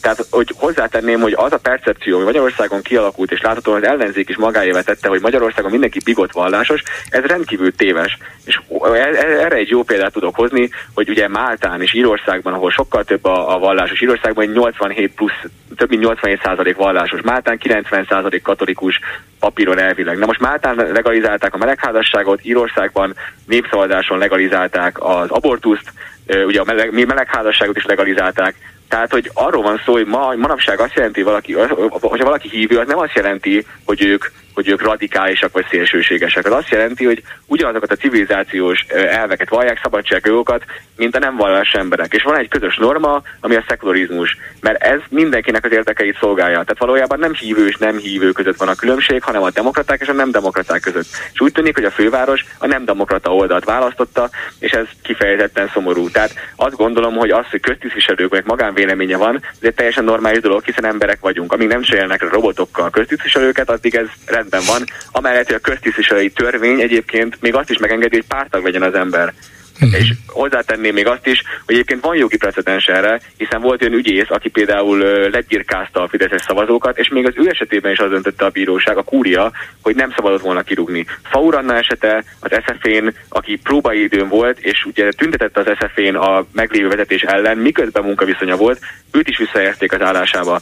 Tehát, hogy azt mondom, van erre precedens, a fővárosnak nem sok esélye van, maximum reménykedhet abban, hogy nyernek, de nem valószínű, hogy fognak. És végsősorban azt szeretném hozzátenni, hogy egyébként Karácsony Gergely és a Városháza ö, számos esetben folytatott vallási propagandát. Tehát a pápalátogatás kapcsán például a tömegközlekedési eszközök hangos bemondóján harsogtak a pápa idézetek. Ha ők annyira aggódnának a főváros ö, publikus képe miatt, vagy világnézeti semlegessége miatt, akkor ezt nem tették volna meg. De mégis megtették, tehát nem, ők valójában uh-huh. egy adott világkép mellett állnak ki, és aki azt a világképet valaha kritizálta, az pedig kirúgják, meghurcolják és megpróbálják tönkreteni a karrierjét. Értem, és az, értem. hogy a magyar ellenzék ezt ezt tétlenül nézi, szerintem egy rendkívüli probléma, és így nagyon nehéz lesz leváltani az Orbán rendszert értemben. Értem.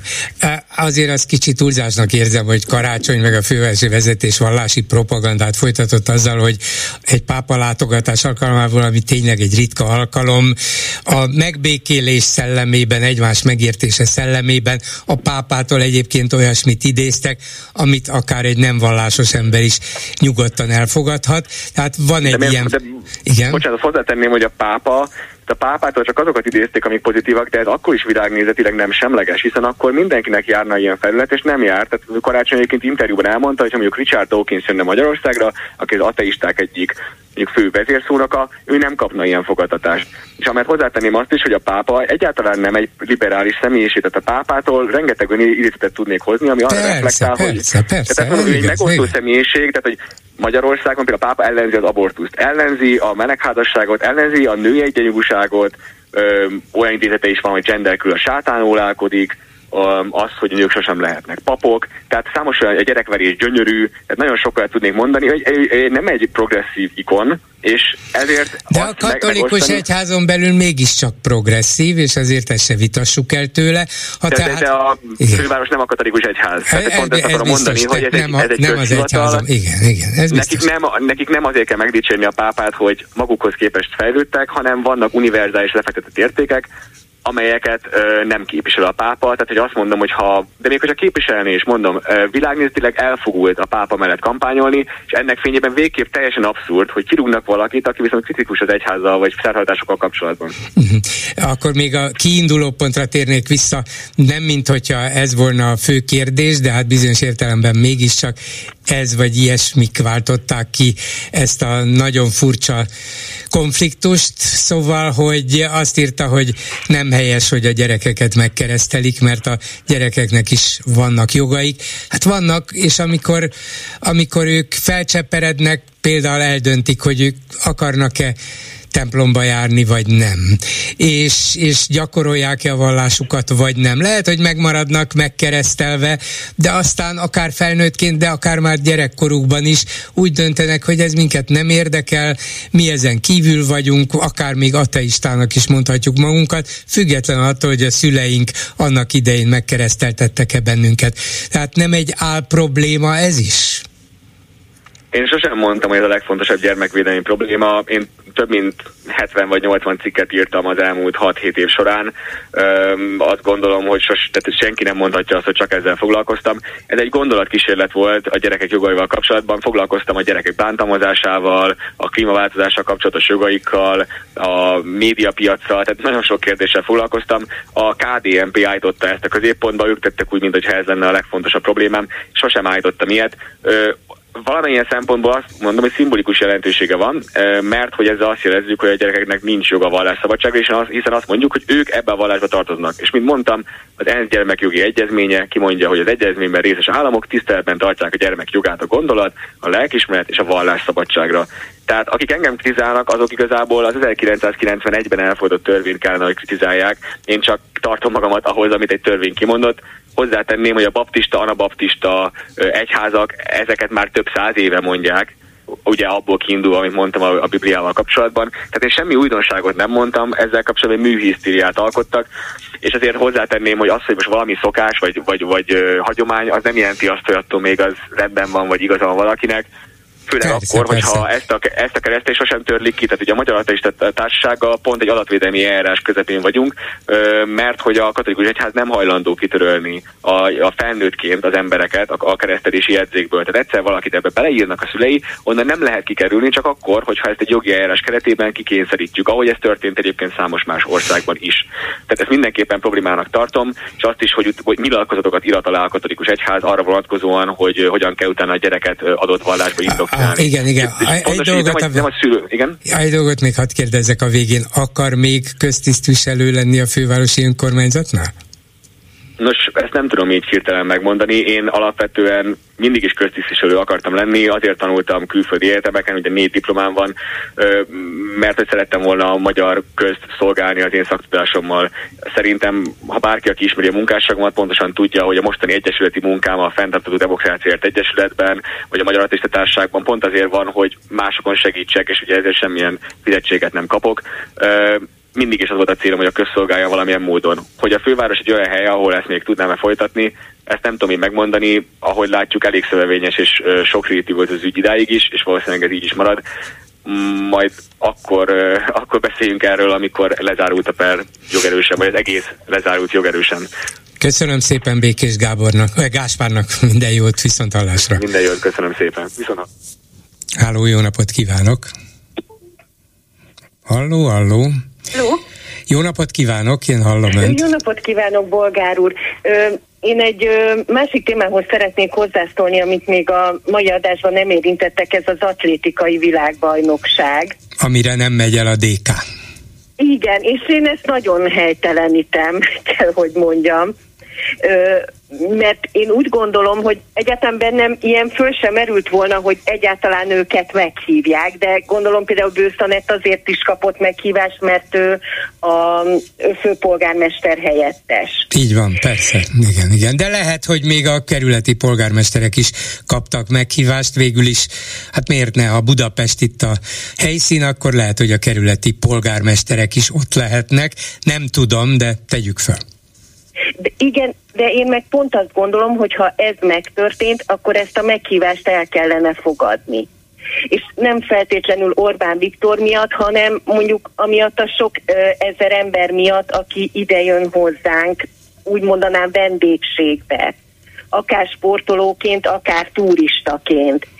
Tehát lehet, hogy itt mi úgy gondoljuk, hogy belföldön ez nekünk egy nagyon fontos ö, ö, belpolitikai villongások tárgya, hogy, hogy a kormány hogy támogatja a sportot, hogy nem támogatja a sportot, és ezzel ki mennyire ért együtt, de szerintem ez nem az az alkalom, amikor itt ezzel kéne ö, erőt fitoktatni, igen, ha igen. Nekem is ezért fordult meg a fejemben az, hogy talán ez legalább annyira szól karácsonynak is, mint Orbánnak, hogy tudnilik karácsony a végén beleegyezett, hogy elmegy a megnyitóra, mert a kormány részben pénzt is adott, részben ígéretet tett, hogy annak idején, amit az atlétikai VB feltételeként a főváros szabott, azt mégis csak teljesíti, de, de a DK-nak meg lehet, hogy ezzel kapcsolatban vannak fenntartásai, hogy nem kellett volna ilyen könnyen megadnia magát, és így üzen neki, nem? Hát sajnos igazat kell önnek adnom, bolgár úr, de ezt én meg egy nagyon veszélyes dolognak tartom. Tehát most biztos, hogy a dk nagyon meg fognak rám orrolni, de én alapvetően úgy gondolom, hogy lehetünk elégedettek Karácsony Gergelye, meg nem elégedettebbek, meg van gaz, meg biciklisel, meg stb. Én úgy gondolom, hogy ő az, aki meg tudja nyerni jövőre is a főpolgármester választást. A DK nem tud olyan embert kiállítani, aki esélyes lenne. Lehet, hogy nagyon sarkos a véleményem, de én úgy gondolom, hogy igenis a DK rendelkezik egy nagyon erős szurkolói maggal, most ha fogalmazhatok így, de, de ugyanakkor meg csak velük foglalkozik. És szerintem ebben ő kísértetiesen hasonlít tényleg a Fidesz gondolkozás módjára, hogy ugye úgy élünk ebben az országban, hogy a Fidesz megválasztotta x millió ember, amit ők nagyon jól kikalkuláltak, hogy hogy lehet ebből a parlamentbe kétharmadot csinálni, és tényleg az egész Fidesz kommunikáció arról szól, hogy ezt a magot ők maguknak megtartsák abszolút nem érdekli őket, hogy az országban élő többi emberetől jól érzi magát, rosszul érzi magát, hogy érzi magát. A DK pont ugyanezt csinálja piciben. Ők úgy gondolják, hogy na, mi vagyunk itt a legerősebbek, mert nekünk 450 szavazónk van, nektek meg 22, de mit érünk azzal a 450-nel? Hát valószínűleg ők abból indulnak ki, hogy eddig megpróbálkoztak sokan sok mindennel, legutóbb ez a hatpárti összefogás volt, és teljes kudarcot vallott, hát akkor ez marad hátra, a legerősebb emelkedjen ki, és ha mi megmutatjuk magunkat minden alkalommal, hogy mi vagyunk a legerősebbek, a leginkább összetartóak, akkor talán egyre több és több ember fogja azt mondani, hogy hát tényleg de én úgy gondolom, hogy nem fel, egyrészt az, hogy ez az összefogás hogy sikerült meg, hogy nem, nem feltétlenül kellett volna az összefogásnak arról szólni, hogy most összefogunk, és akit eddig utáltunk, arról elmondjuk, hogy imádjuk. Nem. Ez igenis egy, egy praktikus dolog, egy ember álljon ki egy ember előtt, eldöntöttük, ezt támogatjuk, és azt támogatjuk. És ö, most is ennek így kell történnie, és nem, nem igaz, hogy, hogy nem látják azt, hogy, hogy nagyon sok embernek ebben az országban azért van elege a Fideszből, mert ők azt hiszik, hogy csak az erő számít. Ugye önök is beszéltek, hogy a zeneakadémiától kezdve szerintem lassan, már bocsánat, de az utolsó WC-s nénit is lecserélik Fideszesre, mert nekik minden kell, ők vannak erőpozícióba. Nem kell. Én úgy gondolom, hogy a, aki nem a Fideszre szavaz, annak ebből elege van. Nem szeretné ugyanezt látni. És még ha egy mondatot mondhatok a, a DK-ról, csak hogy teljes utálatnak tegyem ki magam, én azt se tartottam nagyon helyesnek, amikor mm, lehet, hogy rosszul mondom a nevét, azt a hölgyet, aki offshore botrányba keveredett, és mégis ragaszkodtak hozzá, hogy ő parlamenti képviselő legyen. Igen, Rácné Földi Judit igen, elnézést, hogy nem tudtam a nevét, mit mondott Gyurcsány Ferenc, de ő lesz, mert mi megmutatjuk, hogy mi, akik együtt vagyunk, mi kiállunk egymásért. Én nem. Úgy gondolom, hogy ha valaki hibázott, tévedett, nem alkalmas, nem azzal mutatok jó példát, hogy de őt a büdös életbe is ragaszkodom hozzá, hanem azt mondom, hogy nézzétek, ezek voltak a feltételek, ő ezt nem, kedves Judit, ne haragudj, most ez nem jött össze sokkal inkább szimpatikusabbak lettek volna, mint hogy totál egy Fidesz arroganciával ezt keresztül nyomták, hogy mondhatott bárki bármit, ők ragaszkodtak, és még pozitív színben is próbálták feltüntetni, hogy hú, ez milyen jó, mert kiállunk egymásért. Nem. Ebből is elege van az embereknek, hogy a Fidesz bárkivel bármi történik, szóba került Kaletta ügy, rengeteg ilyen ügy, ők ezekhez az emberekkel foggal körömmel ragaszkodnak.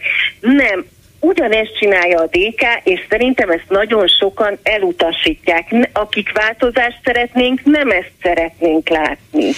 Köszönöm szépen, asszonyom. Minden jót. Viszont Na, hallásra. Én köszönöm, hogy meghallgatod. Viszont hallásra. A vonalban pedig Nagy Attila Tibor politikai elemző. Jó napot kívánok! Jó napot kívánok, Bolgár úr! Az elmúlt napokban Palotás János az ismert nagyvállalkozó, közéleti személyiség, jogász itt a műsorban tett egy érdekes javaslatot, és én azóta megpróbáltam néhány embernél utána érdeklődni, hogy mekkora esélye volna ennek. Röviden, hogy a hallgatók is emlékezzenek rá, vagy ha valaki nem hallotta, akkor elmondjam neki. Azt javasolta, hogy az ellenzéki pártoknak közösen az Európai Bizottsághoz kellene fordulniuk, hogy a jövő évi európai választások előtt az Európai Bizottság figyelmeztesse a magyar kormányt, hogy tartsa be az európai választási normákat, ha ezek nem is kötelező szabályok, de azokat a normákat, amelyekre például az Európai, Bizot, Európai Biztonsági és Együttműködési Szervezet választási megfigyelői a választási jelentésükben is hivatkoztak, például azt, hogy, hogy a média, médiához való hozzáférés az lehetőleg legyen kiegyensúlyozott, hogy az állami médiában teremtsék meg az ellenzéki jelöltek szereplési lehetőségeit nagyjából úgy, ahogy a kormánypártiakét, hogy a propagandában az állam ne élhessen vissza azzal az erőfölényével, hogy állami, vagyis közpénzen propagálja a Fidesz, mint kormánypárt politikáját.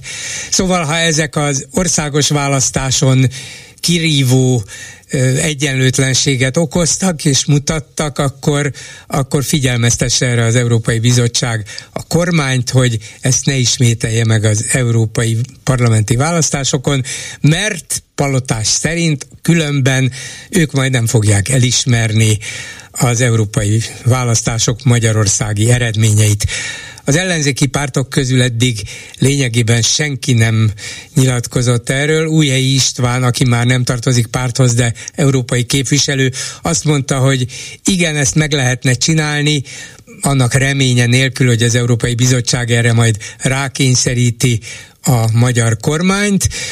Tóth Zoltán választási szakértő pedig azt mondta, hogy igen, szerinte is érdemes volna összefoglalni és egy dokumentumban ezt a szándékot megfogalmazni, és majd meglátjuk, hogy az Európai Bizottság hogyan válaszol rá, de mindenképpen jó elképzelésnek nevezte, hogy egy ilyenre fölhívja Brüsszel figyelmét, amelyik persze új hely szerint tud erről, nagyon is jól tudja, tisztában van mindennel. Na, kérdezem akkor a politikai elemzőt, hogy legalább politikai kezdeményezésként nem volna értelme ezzel megpróbálkozni? Palotás János javaslatának annyi politikai realitása van, mint annak, hogy Orbán Viktor kilép a Fideszből, megbánja, szánja bűneit, és csatlakozik az ellenzékhez, vagy pedig be, bekopog a klubrádióhoz, és átveszi a megbeszéljük műsorvezetését öntől, és a hallgatókkal Orbán Viktor miniszterelnök fog beszélgetni, nem pedig ön. Tehát a palotásféle javaslatnak ennyi politikai realitása mindenképpen van, én azt gondolom. Nagyon, Ö... nagyon kiméletlen vele. Hát végül is miért ne írhatnának az ellenzéki pártok egy ilyen levelet vagy panaszt az Európai Bizottságnak? Nem kell másra hivatkozniuk, csak az Európai Biztonsági és Együttműködési Szervezet jelentésére. És én miért ne beszélhetnék arról, hogy Orbán Viktor megbánja a bűneit, és csatlakozik a balliberális ellenzékhez. Tehát mindent lehet kitalálni természetesen, de akkor egy kicsit komolyabbra fordítva a szót, és kevésbé pikírten, hanem megengedőbben beszélek akkor erről. Tehát az eddig is megtörtént egyébként, hogy az Európai Parlament több határozatában, állásfoglalásában kifogásolta a magyarországi demokrácia és jogállamiságnak az állapotát de azt nem tudom hova tenni, hogy mondjuk az Európai Bizottság ne ismerje el a magyarországi parlamenti választások eredményét, mert mire fel ne ismernie, hát az Európai Bizottság nem része az Európai Parlamentnek. Tehát az Európai Parlament hatásköre lenne mondjuk nem igazolni egy adott mandátumot, csak hogyha ezt megteszi, akkor hol van a vége, akkor ne igazolja a lengyelországi választásokból adódó mandátumokat sem, és akkor milyen elvek alapján megfelele ez vajon az Európai Parlament házszabályának. Ráadásul azért azt is látni kell, hogy bár értem Palotás úr javaslata mögött lévő probléma tömeget, tehát amit valóban az EBSZ többször kifogásolt erre Tóth Zoltán választási szakértő is utalt, hogy igen, az EBSZ például már több alkalommal kifogásolta az esélyegyenlőtlenségeket a magyarországi parlamenti választások kapcsán. Na de ö, azt kell, hogy mondjam, hogy ö, igazi teljes esélyegyenlőség ö, más demokráciában sincs az esély egyenlőtlenségnek a mértékén lehet vitatkozni, és azok valóban nem egyformák, tehát Magyarországon valóban meglehetősen kileng az inga a kormány oldal, oldal javára, csak ha megnyitjuk ezt a témát, tehát hogyha az Európai Bizottság vagy bármelyik más Európai Uniós szerv megnyitná a, ezt a témát, akkor nagyon nagy kérdés, hogy hol lehetne megállni, mert akkor mondhatná például a német AFD részben egyébként joggal, hogy ő nem rendelkezik esélyegyenlőséggel, mert az ottani közszolgálati tévécsatornák nagyon ellenségesen viselkednek vele szemben. Én ezt, mint németes, meg tudom egyébként erősíteni. Most ez, ezzel nem azt akarom mondani, mielőtt félreértés történne, hogy én szimpatizálok az AFD-vel, csak kétségtelen, hogy a német közszolgálati tévé egyáltalán nem tárgyilagos az AFD-vel szemben holott közszolgálati állami tévé. Tehát az a baj, hogy ez egy nagyon sikamlós terület, és nem véletlen, hogy fel sem merült se 2018-ban, se 2022-ben, hogy ne ismerték volna el a magyarországi parlamenti választások, vagy például a 2019-es európai parlamenti választások az eredménye. Igen, hát az, hogy, hogy ez a remény, hogy majd az Európai Bizottság vagy az Európai Parlament azt mondja, hogy na hát ti a régi szabályok szerint bonyolítottátok le a választást, ezért azt a 15, 16, 17 Fideszes mandátumot nem fogom elismerni, ez, ez valószínűleg hiú remény. De annak... Vágyon, és bocsánat, csak egy fél mondat, hogyha nem ismerik el a 15-17 Fideszes mandátumot, akkor nem kéne elismerni a többi ellenzéki mandátumot sem. Igen, persze.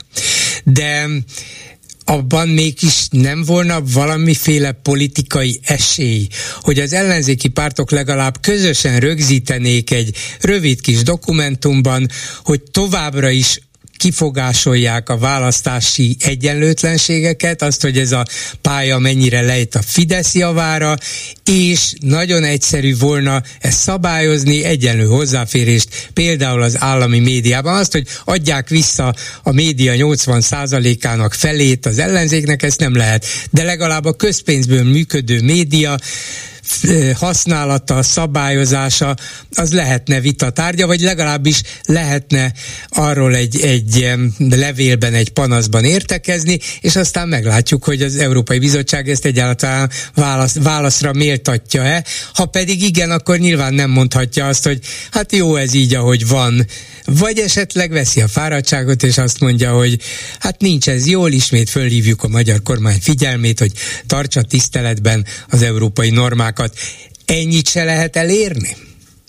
Hát nézze, abba, arra Tóth Zoltán úr joggal mutatott rá, hogy arra van lehetőség, hogy az Európai Parlament különböző dokumentumokkal felhívja a figyelmet például a választási rendszernek a bajaira. Tehát ezt nem tiltja semmi. Az Európai Parlament számos alkalommal foglalkozott már a magyar belpolitikával, a Tavares jelentés, a Corfield jelentés és egyéb más Libe bizottság. A Szárgentini jelentésről se, jelentés, se feledkezünk meg. Persze, tehát számos ilyen ehhez hasonló anyag született már, abban én látnék némi rációt egyébként, hogy a magyarországi ellenzéki pártok mondjuk összeállítanak egy alternatív választási törvénytervezetet, összeállítanának mondjuk egy választási eljárási törvénytervezetet, hogyha ők lennének kormányon, hogyha ők lennének a magyar parlament többségében, akkor ők milyen tisztességes, demokratikus jogállami választási rendszert állítanának össze, én, engem érdekelne egy ilyen nagy alternatív választási jogszabálycsomag, csak ez sokat kellene dolgozni, tehát ez nagy meló lenne,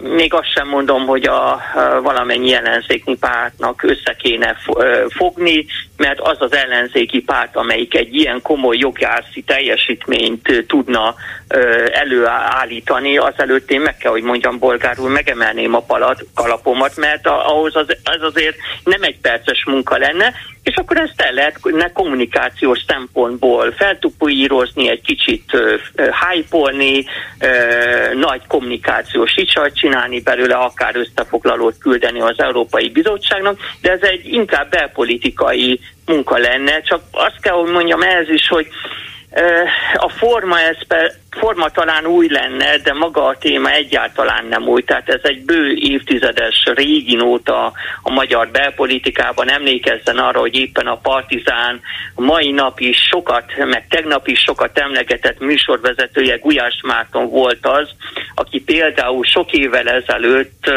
mozgalmat indított a közös ország mozgalom a választási rendszer aránytalansága ellen, és ezt az ellenzéki pártok egy része felkarolta, más része kevésbé. Tehát ez egy nagyon régi nóta, tehát ez sem teljesen új igazából, hogy akkor most az ellenzéki pártok üssenek uh-huh. össze valamilyen De anyagot. már csak azért is érdemes például az ön javaslatán elgondolkozni, mert, mert hogyha nem teszik, bármennyire régi téma is, az ember azt gondolhatná, a magyar választó is azt gondolhatná, meg Európa is, hogy hát belenyugodtak, ez van, így van, hát akkor így fogunk majd elindulni a választáson, de ha mégis jeleznék, hogy ez így nincs rendben, itt van a mi alternatívánk, az még ha reményt nem is, de legalább azt az érzést keltheti a választóban, hogy azért ezek csinálnak valamit. Igen, most gondoljon bele, bolgár úr, egy választási eljárási törvény és választási törvény, meg kormányrendeletekkel együtt, az már egy olyan 200-300 oldalas nyuganyag és nyilván a választópolgárok 99%-a nem fogja ezt elolvasni, de hogyha az ellenzéki politikusok kiállnának sajtótájékoztatón, és mutatnának ezt, mutatnák ezt a vaskos anyagot, hogy mi ezt letettük a magyar parlament asztalára, Na, ezt tessék elutasítani, ha meritek, és hát el fogják utasítani, de akkor az ellenzék legalább tudna arra hivatkozni, hogy nem pusztán bírálta, kifogásolta, kesergett a választási aránytalanságokon, hanem meg tudta mutatni konkrétan pontról pontra, hogy, a vala, hogy szerinte a magyar választási rendszernek, eljárásrendnek, a különböző választási szervek hatáskörének hogyan kellene kinéznie, és ez megint és akkor így már nem csak az lenne, hogy sír-sír az ellenzék, hogy milyen csúnya a Fidesz, hogy milyen felháborító aránytalanságokat tudott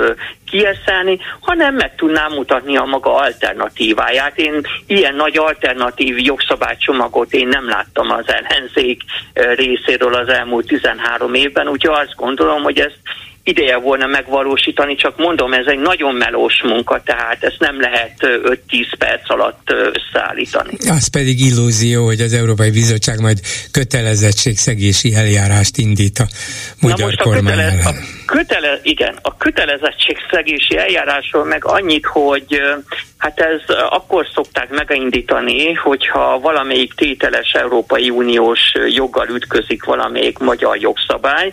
Ugye, ahogy Tóth Zoltán helyesen hivatkozott rá, ugye az adott tagállamok választási rendszerei jogszabályai nem tartoznak a közös uniós jogba. Egyet viszont lehet tenni, illetve most is zajlik, ugye a hetes szerinti eljárás Magyarország ellen a demokrácia jogállamiság megsértése kapcsán, amin szóba került a választási rendszernek a, az aránytalansága, anomáliája, vagy anomáliái, hogy pontosabb legyek, de hát láthatjuk, hogy ez eléggé vontatottan halad előre, és arra mondom, fel kell, hogy hívni, hívjam a figyelmet, hogy bizonyos aránytalanságok, esélyegyenlőtlenségek más nyugat-európai országokban is fennállnak, ter- és van még egy, persze a mértékeken lehet vitatkozni, nem azonosak természetesen ezek az egyenlőtlenségek, és ami még, még legalább ilyen fontos, hát nem mindegy a szociológiai helyzet. Tehát az, hogy Nyugat-Európában a polgárság sokkal inkább ki tud termelni a mindenkoti hatalommal szemben ellenálló kamarákat, érdekképviseleti szerveket, médiumokat, mint mondjuk a rosszabb történelmi sorsba került helyzetben lévő közép-kelet-európai országok, bár ők sem egyformák egyébként jelzem. Köszönöm szépen Nagy Attila Tibor politikai jellemzőnek, viszont hallásra! Viszont hallásra, Bolgár úr, köszönöm szépen! A Facebook oldalunkon mik a vélemények, Lőrinc Saba? Szia Gyuri, köszöntöm a hallgatókat. Több témában is hogy megszólaltak a kommentelők. Habony a testvérére reagáltak, legalábbis az arról szó hírre. Ott vagyunk, ahol a középkorban, meg az átkosban, az urambátyám világban voltunk. Értetetlen, érintetetlen vagyok, mert XY rokonom. Ez sohasem múlik el, legalábbis diktatúrákban biztosan nem. Hát nyilván mindenki úgy védekezik, ahogy tud. Szerintem ez még a nyugati világban is előfordul, hogy én én bizony fontos ember vagyok, vagy vannak fontos emberek a családomban, de hát mégis jellemző, mondjuk itt, itt azért az embernek az az érzése, hogy egy habonyjal nem, nem, nem kéne talán. Habony, habony nem volt közszereplő. Hát milyen alapon hivatkoznak rá? Valaki egy kicsit fonákjáról fogta meg a témát. Az ilyen milliárdos neles tempó nem elszigetelt jelenség. Az, hogy ki a, ki a rokona, csak haba tortán. Vagy torta a habony. Igen. Aztán egy másik kérdés. Mi múlik azon, hogy a DK ott lesz az atlétikai VB-n vagy sem? Nem értem a mostani betelefonálót azon kívül, hogy utálja a DK-t. Ez az ő egyéni problémája. Nem, ez mindannyiunk problémája. Ugye szerettem a DK-t, nem szeretem a DK-t. Szabad-e a DK-nak más ellenzéki pártokra kritikai megjegyzéseket tenni, vagy üzenni nekik így vagy úgy, vagy nem szabad? Ezek, ezek alapvető kérdések az ellenzéki oldalon, és válaszok, válaszok is kellenek. A videóhoz került egy a mi híreink közül való anyag. Karácsony Gergely Budapest főpolgármestere levélben kéri, levélben kéri Lázár János építési és közlekedési minisztert, hogy juttassa a fővárosnak a Lánchíd felújítására ígért 6 milliárd forintos hozzájárulást. Ezzel kapcsolatban valaki megjegyezte, hát igen, a zsarolásban Orbán tapasztaltabb. Meg kicsit erősebb. Igen. Aztán fóliázott könyvekkel kapcsolatban valaki azt vetette fel, hogy vajon mi lesz a fehér lófiával. Fehér fólia? Na, na azért ne, ne fokoz, ne fokoz. De ha már ez szóba került, a VDS székház földszintjén fólia nélkül tekinthetik meg a Meseország mindenki figuráit, a Svung Bécsi Magyar Színház jó voltából. Na, ez viszont akkor itt van, ahol a Klubrádió, úgyhogy nézzék meg. Ennyi lett volna a Köszönöm szépen, még egy hallgató van a vonalban, jó napot kívánok! Jó napot kívánok, nevem telefonom le van adva, egyébként meg Kaciba János vagyok, van még néhány percem. A ö, világbajnokság ö, DK karácsony háromszöggel kapcsolatban mondanék, én nem értek egyet a hölgyel, a betelefonáló hölgyel, azért is ragadtam telefont. Ö, egyetlen adó volt karácsony kezében, ez a pénz, ez a világbajnoksággal kapcsolatos. És, és nem követte, nem követelte folyamatosan az arányos résznek a, a kifizetését. Hülyét csináltak belőle, és, és most is azt csinálnak belőle, mert nem fogják kifizetni a pénzt. Ez Úgy, lehet, de, de bármit, megcsinál, bármit megcsinálhatnak. Karácsony viszont nem csinálhat meg bármit, és akkor mi lesz, hogyha ő nem megy el az atlétikai világbajnokságra? Attól az atlétikai világbajnokságot megrendezik, attól Magyarországon is sokan fogják nézni, és csak... Ugye, hát akkor ezzel milyen értelemben vág vissza a Fidesznek? Ez és végül is Budapest miért ne adna? Hát most itt van, örülünk, hogy itt vannak, megrendezzük, remélünk remélünk, reméljük, hogy jól érzik magukat. Hát karácsony nem tehet úgy, hogy kérem szépen engem nem érdekel a világ, meg a világ nem, atlétai. Nem, teljesen, teljesen más, teljesen más a téma. Ő, ő, ő ezzel ő, mutatná meg azt, hogy itt egy diktatúra van, ahol kirabolják a fővárost, kirabolják az ellenzéki önkormányzatokat. Ez, ez, ez a gesztus lett volna, hogyha nem megy el. Igen, de ebből tudja, hogy az következik, hogy itt diktatúra van, tehát nem indulok a következő választáson, mert úgyse nyerhetünk, mert a diktatúrában az ellenzék nem nyerhet. Ugye ez, ez a következő lép. De nem, sajnos szerintem szorosan összetartozik, és, és nem, nem lennék karácsony helyében, mert nagyon kicsi a mozgástere, akár ebben a konkrét ügyben is. Jó, bolgár úr, köszönöm, lejárt az időnk. Ceterum szenzedó, elég az Orbán dúlásból. Az ebbe, ebben egyetértünk, köszönöm szépen. Viszont hallásra. Ezzel a megbeszéljük mai műsora véget ért készítésében közreműködött Zsidai Péter, Lőrinc Saba, Erdei Tünde, Simon Erika és Zsidai Péter és eh, Kemény Dániel, Polgár Györgyöt hallották, viszont hallásra holnap, most pedig jön az Esti Gyors. Ez a műsor sem jöhetett volna létre az önök támogatása nélkül. Esti Gyors, a hírek háttere. Nem tudom, elgondolkodtak-e mostanában a nyikhaj szó jelentésén.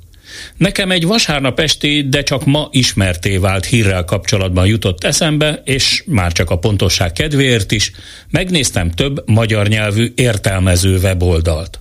Az eredmény cseppet sem meglepő. Nyikhajnak azt a felelőtlen, rendszerint fiatal férfit nevezzük, aki képtelen arra, hogy előre lássa tettei következményét, hiányzik belőle a józanész és a megfontolás. A másik értelmezés a nyikhaj felelőtlen, semmire kellő, rendszerint fiatal férfi.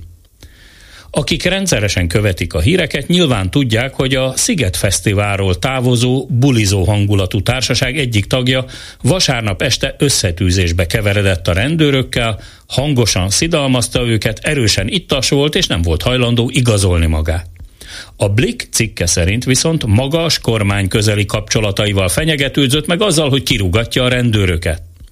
A rendőri intézkedés közben eltört Szetlik Gergő karja aki azt ordítozta a cikk szerint, hogy ő bizony Habony Árpád unokaöccse és jaj lesz az egyenruhásoknak. Eddig az újsághír, ami pusztán csak azért érdekes a számomra, mert megtalálható benne minden, mint csebben a tenger. A NER tenger. Az elmúlt 13 év eszenciája, az összes pökhendiség, a kivagyiság, az erőfitoktatás. Hogy valaki az úgynevezett nagy emberekhez tartozik, és emiatt érinthetetlen. Mert hogy Szetlik Gergő ugyan nem közismert közszereplő, de a gazdasági sajtóban a jól értesültek igencsak jól ismerik a nevét. Amúgy a Klub Tihany egykor volt állami üdülő többségi tulajdonosa a hugával együtt. Így persze nem meglepő, hogy mindössze 30 évesen már is vezérigazgató a klub Tihany élén, és a gazdasági sajtóban is csak egyszerű kétkezi milliárdosnak titulálják. Aki nem csak Habony Árpáddal, hanem állítólag Rogán Antallal is baráti és üzleti viszonyt ápol. Félreértés ne essék, mélyen megvetem a fizikai erőszakot, a rendőri erőszakot meg különösen. Főleg, ha indokolatlan és aránytalan. Ezt a vasárnapi esetet a Káhidon nyilván már is nagyon alaposan kivizsgálják, minden oldalról rögzítik, hogy az intézkedő rendőrök vajon a jogszabályoknak megfelelően, arányosan és szakszerűen intézkedtek-e. A törött kar, mégiscsak törött kar, nyolc napon túlgyógyul. Valahogy mégis az az érzésem, hogy ebben az esetben nem az egyenruhások hibáztak. Természetesen nem akarom és nem is tudom megelőlegezni a szakszerű belügyi vizsgálat eredményét. Mondom mindez megérzés csupán, de ismerve a mai világunkat különösen felháborítónak tartanám, ha a történtek miatt bármelyik rendőrnek bántódása esnék. Mert a történet nem annyira a rendőrökről szól, akik majdnem égbérért egy nyári vasárnap este is beöltözve teljesítettek szolgálatot Óbudán, miközben tízezrek bulisztak önfeledten. Vagy önmagukról megfeledkezve. Na, így jutottak eszembe a nyikhajok. Az Esti Gyors mikrofonjánál Hardi Mihály, a hírek után kezdünk. Esti Gyors, a hírek háttere.